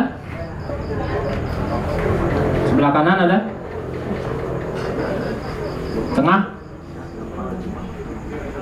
Nah ini semua kayaknya nunggu musik ini. ya, satu. Tengah ada? Belakang?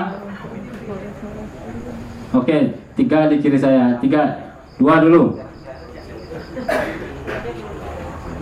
Pak Rai tolong mic-nya diputar. Itu tuh, tuh. Eh, itu tuh di depan. Itu ada mic. Itu dulu kanan, kanan, kanan.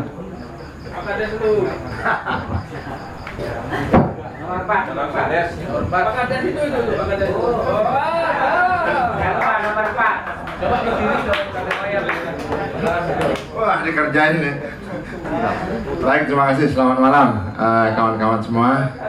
Jadi apa yang tadi sudah disampaikan oleh narasumber, jadi menjadi perhatian kita semua. Nama saya Nyoman Mardike. Eh, saya mengawali dari apa yang disampaikan oleh sahabat saya Gendo ya, tadi terkait dengan uh, penyusunan peraturan perundang-undangan Undang-Undang Nomor 12 Tahun 2011 memang ada semacam uh, penabrakan terhadap peraturan perundang-undangan itu sendiri dalam penyusunan uh, skala prioritas dan sebagainya gitu. Tetapi saya sangat miris ketika pernyataan Ketua Balak gitu. Ketua Balak menyatakan bahwa revisi Undang-Undang KPK itu dinyatakan sebagai suatu yang urgensi gitu. Urgensinya di mana? Yang itu tidak dapat ada penjelasan secara khusus. Di mana kegentingan memaksanya di mana? Ketika harus dilakukan eh, revisi undang-undang KPK kemudian dijadikan undang-undang. Ini saya tidak me- melihat ada semacam eh, kegentingan yang sifatnya memaksa. Itu pernyataan ketua balak yang yang saya ketahui di, di media seperti itu dan tidak perlu perlibatan publik katanya Nah ini logika berpikirnya Ketua Balek dan juga anggota DPR seperti apa, terutama di Komisi 3 dan juga di Balek. Logika berpikir yang tidak boleh tidak lagi melibatkan publik dalam penyusunan peraturan perundang-undang. Jadi tidak ada semacam konsultasi publik dalam konteks itu. Nah bagaimana kira-kira mungkin Mbak ini bisa bisa me- melihat dalam perspektif eh, penyusunan peraturan perundang-undangan dan juga mungkin kawan Gendo bisa me- mencoba mem- membahas terlebih dalam. Karena ketika hal-hal seperti ini kegentingan memaksa ini seperti apa yang disebut dengan ke konteks kegentingan yang memaksa? Padahal saya tidak melihat sama sekali sifatnya kegentingan memaksa dalam uh, revisi undang-undang KPK Uh, terkait dengan beberapa RUU yang ditunda, yang ditunda, saya tidak mengatakan itu bahwa itu tidak akan dilakukan proses pembahasan karena dalam masa sidang proses berikutnya setelah pelantikan itu akan ada pembahasan beberapa rancangan undang-undang untuk melanjutkan undang-undang yang ditunda itu. Sekalipun sifatnya ada semacam gerakan-gerakan yang memang eh, sangat masif ya, sangat masif gerakan mahasiswa, gerakan rakyat dan juga gerakan bahkan gerakan pelajar yang terkadang itu dianggap seperti istilah gitu tadi, mereka dianggap tidak tahu apa-apa gitu.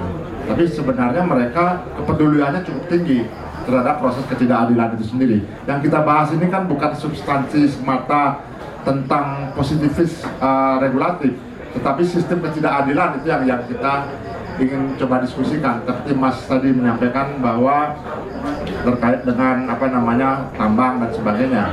Ini sesuatu yang bagi kita semua yang ada di sini adalah sesuatu yang memang harus diketahui oleh publik. Wajib mengetahui publik tentang batu bara, eksploitasi alam dan sebagainya. Yang terkadang ini adalah di mana rezim ini, pemerintahan ini, pemerintahan yang populis ini memaksakan kehendaknya untuk melakukan sebuah proses yang ketidakadilan itu sendiri. Dan seakan popularitas itu menganggap bahwa rakyat yang lain itu sudah tidak perlu lagi diajak diskusi. Dan ini berbahaya rezim kalau dibiarkan bukan berarti kita ingin menurunkan rezim atau menurunkan kekuasaan tapi bagaimana kita sikap kritis ini penting untuk kita sikapi secara bersama-sama terutama juga dengan proses apa namanya pasal tambang tadi. Nah, syukur-syukur ada semacam penundaan RUU Minerba misalnya. Yang sudah itu kan sumber daya air seperti yang katakan RUU pertanian sudah ditetapkan. Ya tinggal sekarang menunggu pembahasan apakah nanti ada perpu atau tidak itu menjadi sebuah persoalan yang debatable lagi. Nah, yang ingin kami sampaikan di sini, yang ingin saya sampaikan di sini dari sudut pandang kita bahwa bagaimana uh, keterlibatan publik yang secara masif dalam rangka nanti proses pembahasan berikutnya dalam rancangan undang-undang apakah itu undang-undang minerba apakah itu undang-undang pertanahan apakah itu revisi undang-undang KPK atau perpu itu ada atau tidak. Nah inilah yang terkadang kita coba jangan lalai lagi gitu. Dengan dinamobokkan oleh kepentingan-kepentingan kekuasaan dan sebagainya kita tidak boleh lalai kemudian dan tetap kita harus melawan itu. Terima kasih. Baik, nah, langsung.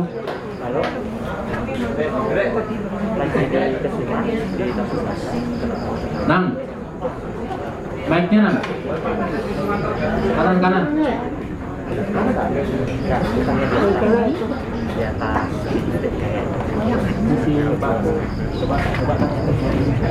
Uh, ya, makasih untuk uh, narasumber menarik sekali.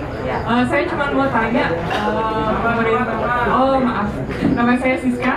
Um, saya tertarik ingin tahu dari perspektif baru-baru ini kan Presiden Jokowi mengeluarkan moratorium hutan yang dibuat secara permanen yang dari 2011 sudah banyak kritik dan ketimpangan dan apa namanya ya ketimpangan dengan undang-undang lain termasuk pembukaan lahan untuk sektor pertanian. Nah, dari sektor pertambangan ini khususnya untuk minerba, apa kaitannya setelah moratorium hutan yang permanen ini uh, berdampak pada ini apa misalnya pembukaan uh, tambang yang baru dan sekian. Uh, dan kedua karena Bung Tata kebetulan kampanye iklim di Greenpeace saya ingin tahu apakah ada kalkulasi untuk emisi karbon dari segi pertambangan ini atau prediksinya uh, setelah undang-undang yang baru ini diterbitkan atau adanya uh, konflik antara atau ketimpangan antara undang-undang yang berlaku. Oke, terima kasih. Baik itu dulu dua dulu ya. Dua dari Mardika tadi masalah tadi penjelasan tentang gimana tadi yang disampaikan prosedur prolegnas tidak masuk atau menabrak undang-undang tapi diklaim bahwa uh, dari baliknya sendiri mengklaim bahwa ada ke kegentingan maka uh, tidak melalui lagi proses prosedur perundang-undangan atau konsultasi-konsultasi terhadap publik. Uh, yang kedua dari dari Siska itu moratorium tentang hutan. Gimana perkembangannya sampai hari ini dan dalam kaitannya dengan uh, emisi karbon. Mungkin dari Ibu Mas dan Gendo dan Amikata dan dari bagus. Mungkin Ibu dulu mungkin Ibu dulu ya Bu Mas dulu Mike Mike cik Baik, uh, terima kasih responnya Pak Mardike dan Ibu Siska. Saya cuma uh, ingin menggarisbawahi beberapa hal terkait dengan uh, kegentingan memaksa, isu kegentingan memaksa. Kemudian bagaimana sebetulnya prosedur uh, untuk uh, memajukan proses uh, pembahasan rancangan undang-undang. Tentu memang yang harus dimasukkan betul harus masuk prolegnas terlebih dahulu, baru boleh kemudian um, apa dilakukan pembahasan. Tetapi tentunya kita tidak tahu juga mekanisme politik dorongan-dorongan yang besar dari konfigurasi politik yang ada sehingga yang tidak masuk prolegnas pun kemudian akhirnya goal untuk dibicarakan dan bahkan kemudian diketok palu untuk um, uh, maju ke undang-undang gitu ya.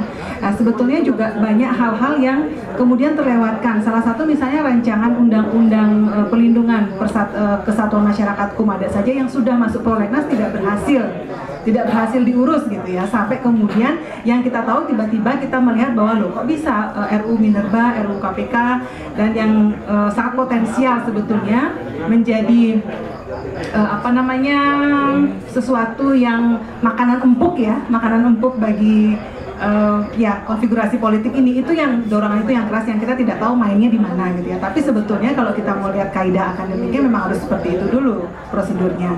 Dan harus dipastikan juga sebetulnya ketika proses rancangan undang-undang ini sendiri harus mekanismenya banyak sebetulnya harus dilihat apakah ada uh, sinkronisasi, harmonisasinya supaya ketika uh, sudah menjadi sebuah produk tidak banyak menimbulkan uh, problematikanya. Salah satunya misalnya betul ketika di rancangan undang undang-undang ini sebetulnya harus dimatangkan. Proses harmonisasi misalnya dengan melihat apakah tidak hanya dia secara teoretik dia sinkron uh, ke atas, ke samping dan lain sebagainya, tapi juga soulnya atau jiwanya itu harus sampai kepada jiwa pembentukan peraturan perundang-undangan yang sebetulnya. Kalau kita lihat lagu uh, harusnya memang melihat pada ada kepastian, kemanfaatan dan keadilan itu yang mesti menjadi catatan penting sebetulnya. Bagaimana mengontrolnya dalam tataran pembuatan atau penyusunan peraturan perundang-undangan sebetulnya harus sangat teliti dan harus sangat cermat untuk melibatkan partisipasi publik.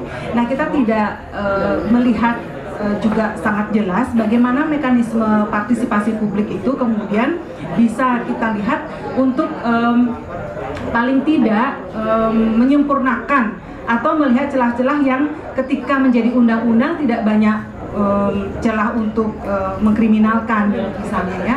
Atau tidak banyak cacat undang-undang itu. Harusnya memang pematangannya um, dilakukan ketika dalam proses penyusunan peraturan perundang-undangan dalam bentuk rancangan undang-undang.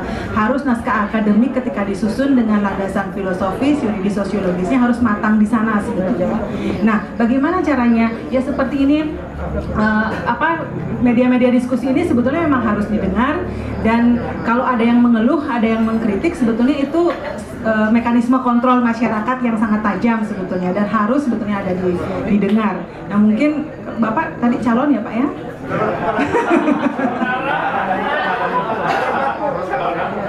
ya mungkin saluran-saluran um, ini yang harus juga uh, tetap diperhatikan dan langsung di kena pada sasarannya gitu ya.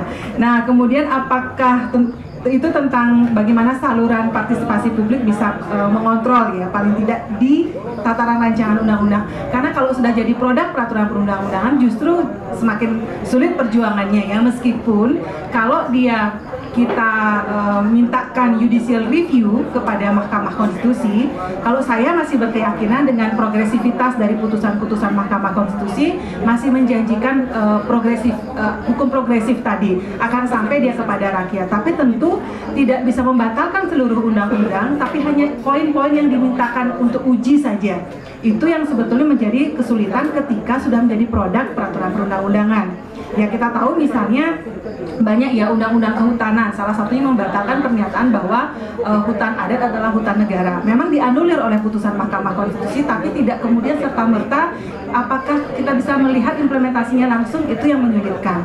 Makanya betul uh, apa namanya um, sejak dibuatnya harus secermat mungkin dan mekanisme partisipasi publik harus diperhatikan. Kemudian tentang uh, sejauh mana kegentingan yang memaksa tersebut, memang kalau kita lihat situasi seperti ini, apakah di cukup genting kita lihat sehingga ada perpunya. Nah ini mungkin indikatornya kalau kemarin saya lihat rilisnya dari Prof Mahfud mengatakan ya kembali kepada unsur subjektivitas dari kepala negara gitu. Jadi kalau sudah pakai unsur subjektivitas, kita memang nggak bisa berpikir objektif begitu ya dengan melihat apakah kalau ada desakan masa, desakan uh, masya, uh, apa mahasiswa begitu misalnya apakah ini kemudian dianggap sebagai kegentingan dan lain sebagainya tentu kalau unsurnya subjektif yang dipakai kita agak sulit memang sampai kepada uh, harapan kita untuk sebuah keadilan kemanfaatan dan kepastian hukum. Itu untuk Pak Marduke dan kemudian untuk Ibu Siska mungkin lebih banyak nanti dari Jatam yang akan menjawabnya ya. Terima kasih.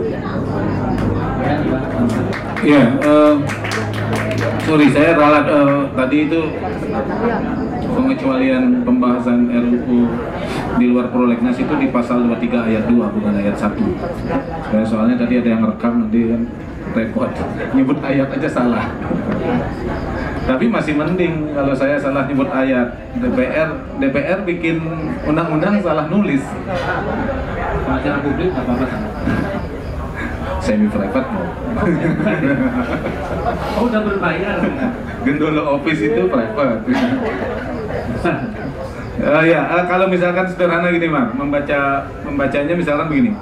Di pasal 23 ayat 2 eh, bunyinya begini. Saya baca lengkap saja lah. Dalam keadaan tertentu DPR atau presiden dapat mengajukan RUU di luar prolegnas mencakup A untuk mengatasi keadaan luar biasa keadaan konflik atau bencana alam dan B keadaan tertentu lainnya yang memastikan adanya urgensi nasional atas suatu RUU yang dapat disetujui bersama oleh alat kelengkapan DPR yang khusus menangani bidang legislasi dan menteri yang menyelenggarakan urusan pemerintahan di bidang hukum. Jadi sebetulnya boleh ada boleh ada pengecualian eh, pembahasan RUU yang di luar prolegnas itu sepanjang yang tadi ada keadaan luar biasa, keadaan konflik, bencana alam, dan urgensi nasional. Nah, eh, di penjelasannya itu cukup jelas. Jadi sama sekali tidak ada, misalkan penjelasan apa yang dimaksud untuk mengatasi keadaan luar biasa, nggak ada penjelasannya. Atau yang apa yang dimaksud dengan urgensi nasional itu nggak ada, karena di undang-undangnya penjelasannya dikatakan cukup jelas. Dan menurut saya ini yang kemudian memang e, membuka tafsir karena kemudian kita harus buka lagi KBBI atau kemudian kita harus coba membuka referensi-referensi terhadap berbagai peraturan perundang-undangan atau misalkan putusan-putusan e, MK misalkan kalau ada. Tapi kalau di undang-undang sendiri nggak mengatur, nggak dijelaskan, sehingga e, menurut menurut saya e, kalau kalau secara subjektif per- pernyataan balik yang menyatakan bahwa ini ada urusan pengesahan undang-undang KPK, revisi undang-undang KPK, kalau dibilang urgensi ya menurut saya nggak kena. Pertama misalkan begini, eh, secara etika politik RUU KPK ini atau revisi undang-undang KPK ini dilakukan di masa demisioner. Ini menurut saya tidak masuk akal. Untuk alasan-alasan yang urgent misalkan betul demisioner bisa bisa melakukan tindakan-tindakan politik atau mengambil kebijakan politik keputusan politik secara eh, dalam keadaan urgent. Tapi yang kemarin kita tidak menemukan urgensinya. Apa yang dibilang urgensi misalkan? Soal penyadapankah seurgen apa atau misalkan SP3 atau karena ada polisi Taliban kan, kan repot gitu. Saya nggak ngerti juga. Misalkan Jual beli sadap. jual beli sadar. Misalkan polisi Taliban, ini kan juga aneh. Kalau misalkan ada polisi polisi Taliban di dalam KPK, lo kok ngapain undang-undangnya diubah gitu kan? Karena harusnya kemudian seleksi personalnya, jadi tidak harus mengubah undang-undang. Nah, ketika mereka mereka kehilangan titik pijak dalam eh, argumentasi bahwa di dalam dikuasai kelompok kanan, ekstrem kanan misalkan, ternyata mereka lari kepada persoalan perlunya SP3 SP3 diperlukan perangkat dalam KPK karena misalkan berkacamata dari kasus Ergelino yang sampai sekarang tidak eh, mendapatkan kepastian hukum.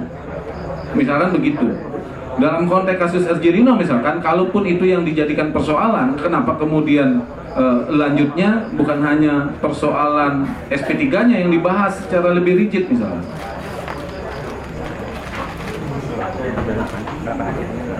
Kenapa kemudian harus ada dewan pengawas, kemudian harus menghilangkan eh, kewenangan pro justitianya untuk penuntutan, misalkan.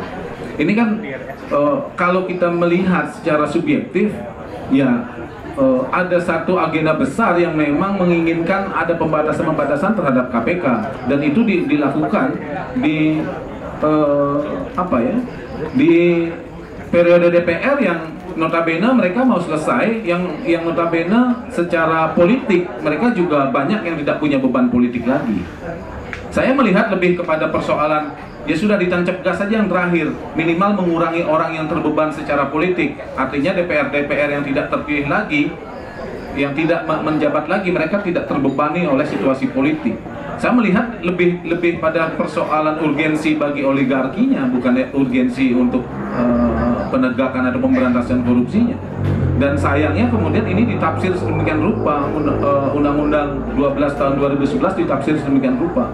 Karena penjelasannya sangat jelas sementara eh, situasi-situasi yang dimaksud urgensi nasional misalkan itu nggak nggak dijelaskan justru misalkan uh, yang dijelaskan di pasal 23 adalah misalkan uh, apa namanya persoalan prolegnas yang tanda petik antar waktu misalkan bisa dilakukan kalau ada perjanjian internasional atau akibat putusan Mahkamah Konstitusi. Perjanjian internasional dijelaskan di, di, di pasal di penjelasan pasal 23 ayat satunya. Tapi keadaan-keadaan tadi bencana alam, konflik dan segala macam nggak ada penjelasan. Dan saya pikir ya lagi-lagi ini soal soal bagaimana politisi mengambil celah dan dan saya yakin dari awal bahwa memang pasti DPR akan ngotot bahwa ini urgensi nasional tapi mereka tidak akan pernah membreakdown apa itu urgensi nasional apa itu uh, situasi yang genting yang yang yang membuat mereka harus segera merevisi undang-undang KPK kalau saya ditanya begitu nggak punya jawaban juga kecuali memang ini soal keinginan politik mereka untuk segera uh, apa memotong beberapa hal-hal yang yang sangat penting dari kewenangan KPK itu aja sih. Kalau di undang-undang sendiri memang nggak ada. Terima kasih. Bang Tata sama Bung Agus.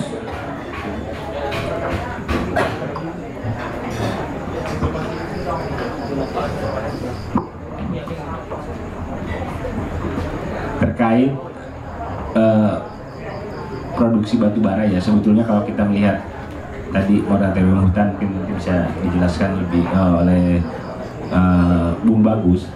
Tapi faktanya terlepas dari uh, apa yang terjadi, faktanya produksi batu bara dari dua, sejak Jokowi menjadi presiden dari 2015 sampai 2019 itu terus meningkat. Nah ini yang menarik sebetulnya karena di dalam uh, rencana pembangunan jangka menengah nasional yang harusnya menjadi acuan semua uh, proses pembangunan ya di Indonesia dan sebenarnya merupakan penerjemahan dari visi dan misi presiden itu justru dilanggar oleh langsung oleh jadi dia yang buat dia yang melanggar jadi kalau di, kita lihat di RPJMN itu dari dari 2015 ke 2019 harusnya produksi batu bara di Indonesia itu terus menurun dikurangi secara bertahap kalau tidak salah dari 400 juta sekian ton di awal 400 juta ton itu menjadi 300-an juta ton. Nah apa yang terjadi? Yang terjadi adalah uh,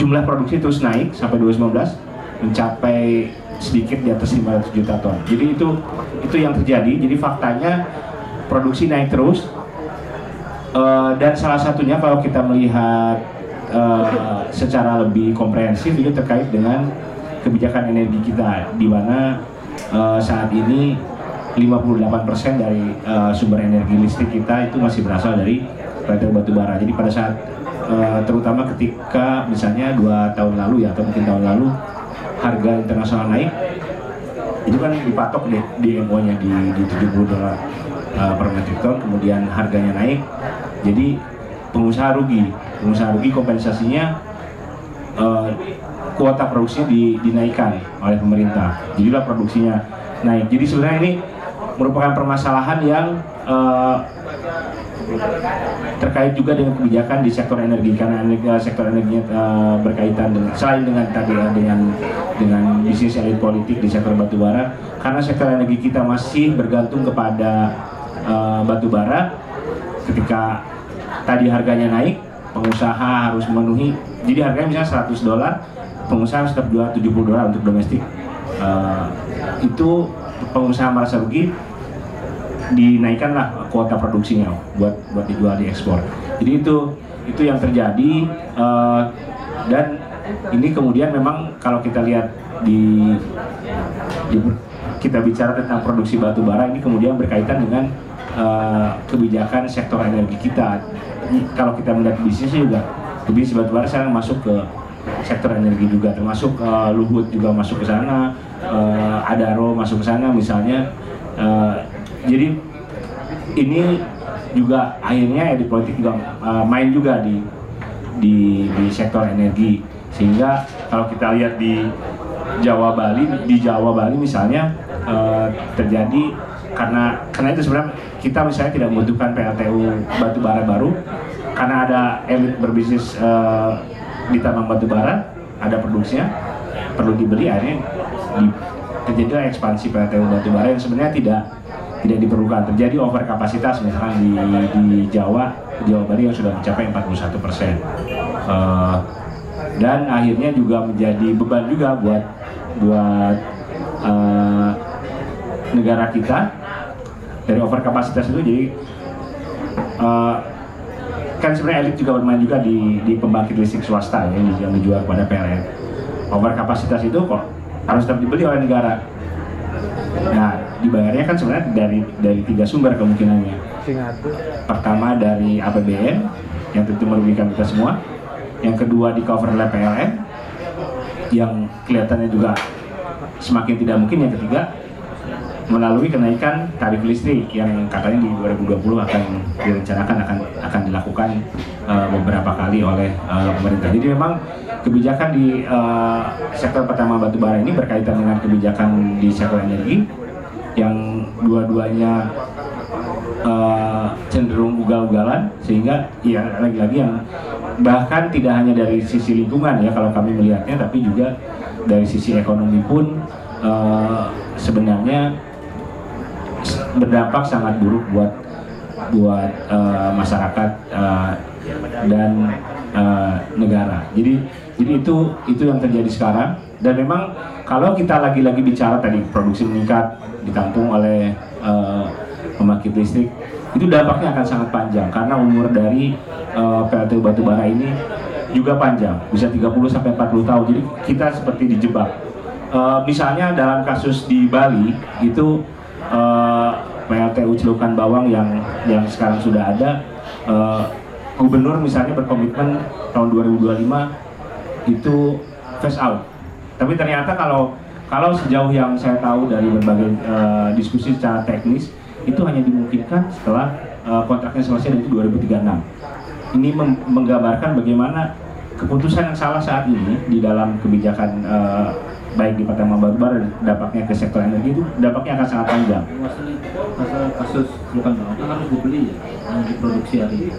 Harus dibeli, harus dibeli dan di, akan dibeban uh, bisa ditutup oleh PLN, hmm. bisa oleh APBN, bisa oleh konsumen. Kelihatannya karena uh, baik PLN sebagai BUMN dan negara sedang kesulitan keuangan, uh, kita bisa cek nanti di 2020 kelihatannya akan ada beberapa kali kenaikan uh, jadi kita membeli sesuatu yang tidak kita yang tidak kita pakai dan kalau kita lihat pemain-pemain uh, pemakai swasta itu kan juga kita misalnya Jawa 910 yang sekarang sedang dibangun di Banten itu besar dua kali seribu megawatt itu Prayogo Pangestu pengusaha sejak zaman Orde Baru dan kemarin baru dapat apa bintang Mahaput bintang Mahaputra ya Pak. Uh, kita perlu cek lagi dari dari presiden ini pada pada uh, peringatan hari kemerdekaan. Jadi itu termasuk juga uh, karena itu sangat krusial misalnya untuk ekspansi PLTU Celukan Bawang di Bali sangat krusial. Sekarang uh, mungkin Beli lebih tahu. Sekarang kan di kasasi juga sudah kalah.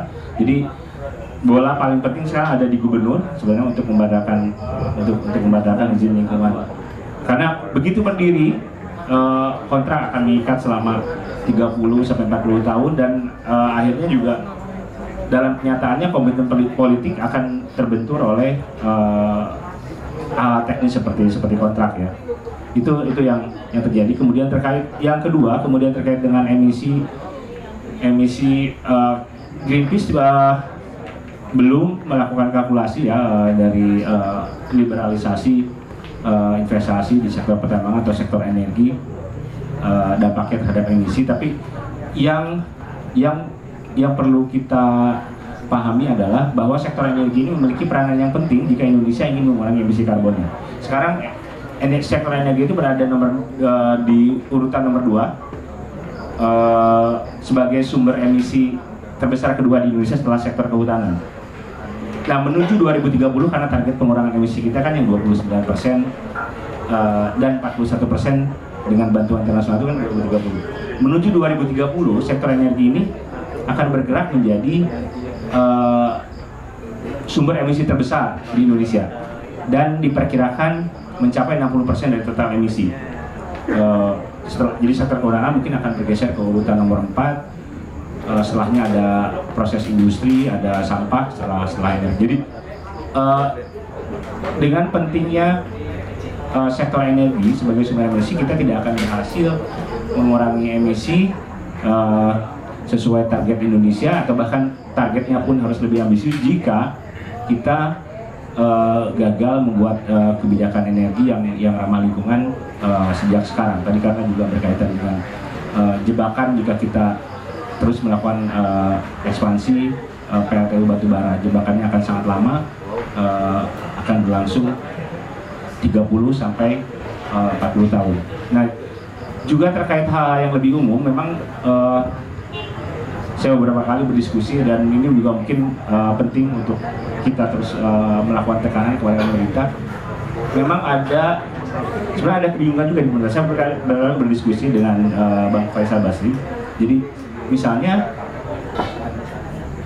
langkah Jokowi untuk tadi disampaikan oleh Beli Gendo untuk liberalisasi investasi tiga hari itu sebenarnya kadang-kadang Menko Perekonomian pun tidak tahu. Jadi seorang Menko Perekonomian bisa bertanya sebetulnya kebijakan ini berasal dari mana, berasal dari masukan siapa, sehingga bahkan bahkan di lingkaran dalamnya pun uh, ada ada kebingungan. Kadang-kadang jangan-jangan siapa yang terakhir ketemu itu itu uh, masukan masukan yang yang diikuti termasuk tadi dalam ada, ada misalnya pun yang tidak terkait lingkungan seperti misalnya uh, di pelabuhan tiga hari itu menurut semua menteri dan Menko itu tidak mungkin mencapai, tapi menurut Jokowi harus dijalankan dan nggak tahu kita sebenarnya itu uh, bisikan atau atau masukan uh, dari siapa. Jadi kalau saya lihat sih di, sek, uh, di sektor energi uh, kita memiliki pekerjaan rumah yang besar tadi juga ter, uh, bahkan terkait terkait korupsi. Dan sebenarnya kalau kita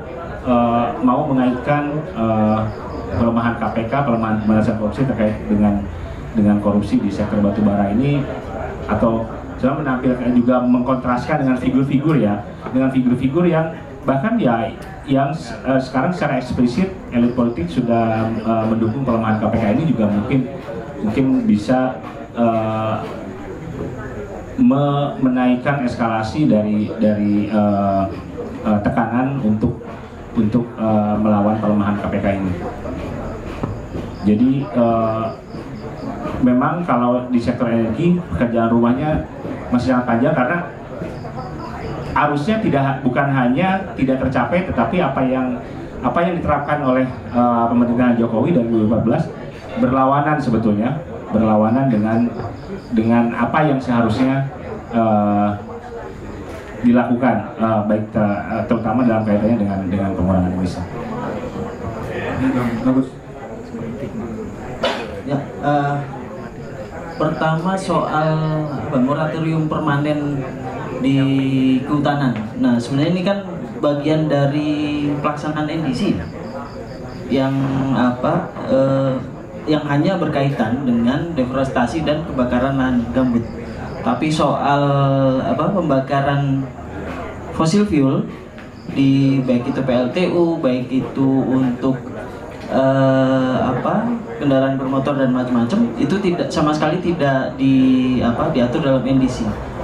Nah, yang kedua soal apa moratorium permanen ini kan hanya dibatasi kalau tidak salah ya hanya dibatasi 66 juta hektar dan itu juga kayak ada yang aneh. Pertama judulnya moratorium permanen kehutanan, tapi di yang dikeluarkan oleh Kementerian Lingkungan Hidup dan Kehutanan itu peta indikatif penundaan pemberian izin baru. Nah, jadi permanennya di mana kalau hanya eh, apa penundaan pemberian izin baru. Dan belum lagi kalau kita bicara soal eh, penegakan hukumnya gitu.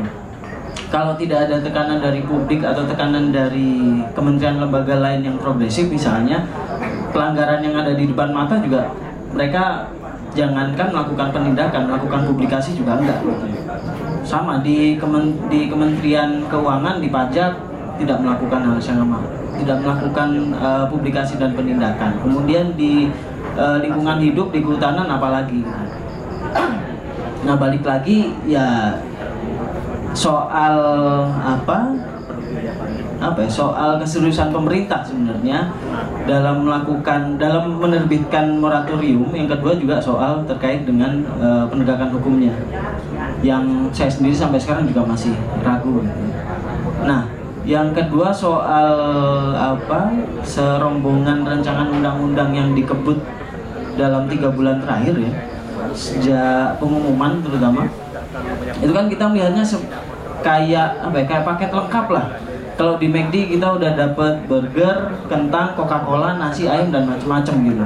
Bayangkan untuk penyediaan buruh murah dikebut uh, rancangan undang-undang tenaga kerja. Outsourcing masih ada, kemudian soal apa uh, upah juga diatur di situ gitu. Kemudian untuk uh, komoditas yang diperdagangkan dikebut juga undang-undang sumber daya air, dikebut juga undang-undang minerba. Untuk melindungi oligarki pelaku bisnisnya, dikebut undang-undang KPK untuk melemahkan KPK. Untuk uh, menekan masyarakat sipil, ditekan juga apa, didorong juga RKUHP gitu. Artinya pasca pengumuman baik itu legislatif maupun eksekutif kayak semacam ada apa ya pencairan cek dari praktek ijon politik yang sebelumnya sudah terjadi gitu. Kalau kita tahu praktek ijon dalam sektor pertanian misalnya, sebelum panen sudah dipanjer gitu. Sebelum panen sudah dibeli semua. Mau hasilnya ngepas, mau hasilnya dia untung lebih banyak, mau hasilnya rugi, tetap harus dijual ke si apa pelaku ijonnya gitu dalam politik juga hal yang sama terjadi dan bahkan bisa bermain di banyak kaki. Uh, nanti kawan-kawan bisa lihat di yang tadi dibilang sama Mas Tata soal corruption bagaimana uh, oligarki ini ternyata juga bermain di dua kaki gitu. Misalnya dalam satu contoh kasus uh, tambang emas di Tumpang Pitu Banyuwangi. Dari satu lubang saja itu ada nama Sandiaga Uno di situ yang dia di kubu uh, Kampret di situ ada Sakti Wahyu Trenggono yang jadi bendara umum di tim kampanye nasionalnya Jokowi Maruf Amin gitu. Mereka mengumpulkan pundi-pundi uang dari lubang yang sama tapi bisa bermain di dua kubu yang berbeda. Jadi bayangkan di bawah orang baku hantam, cebong dan cebong kampret, tapi di atas mereka e, menggali uang dari satu lubang yang sama dan bahkan dari satu sektor yang sama. Makanya uh, walaupun kita kaget tapi sebenarnya apa ya uh, ini sudah diprediksi gitu bahwa serangkaian undang-undang yang akan menjadi akselerator pembentukan sumber daya alam juga pasti akan dikebut uh, pasca uh, pengumuman dan bahkan sebelum pelantikan. Dan ya apa ya? Agak agak susah juga ketika uh, semua sudah terjadi gitu kan? Dan sampai Jatam sendiri berkesimpulan bahwa memang uh, kerusakan bentang alam kita saat ini itu dapat andil besar dari apa ya? Dari carut marutnya bentang politik kita saat ini jadi bentang politik yang sekarang ini ditunggangi para, para oligarki industri sumber daya alam, industri pengerukan sumber daya alam, itu yang mengatur bagaimana bentang politik kita ini menghancurkan bentang alam uh, kita saat ini. Nah, kalau mau apa uh, melakukan penyelamatan bentang alam misalnya yang dilakukan Wali, yang dilakukan Greenpeace, Jatam dan kawan-kawan lain-lain di sini mungkin juga mulai melirik apa penyelamatan dari bentang politik kita saat ini gitu. Jadi kalau bentang politiknya kita biar biarkan dengan carut marut seperti ini tetap ditunggangi dan disetir oleh oligarki ya jangan harap bentang alam juga akan selamat mau kita jungkit balik kayak gimana gitu. mungkin itu terakhir dari saya terima kasih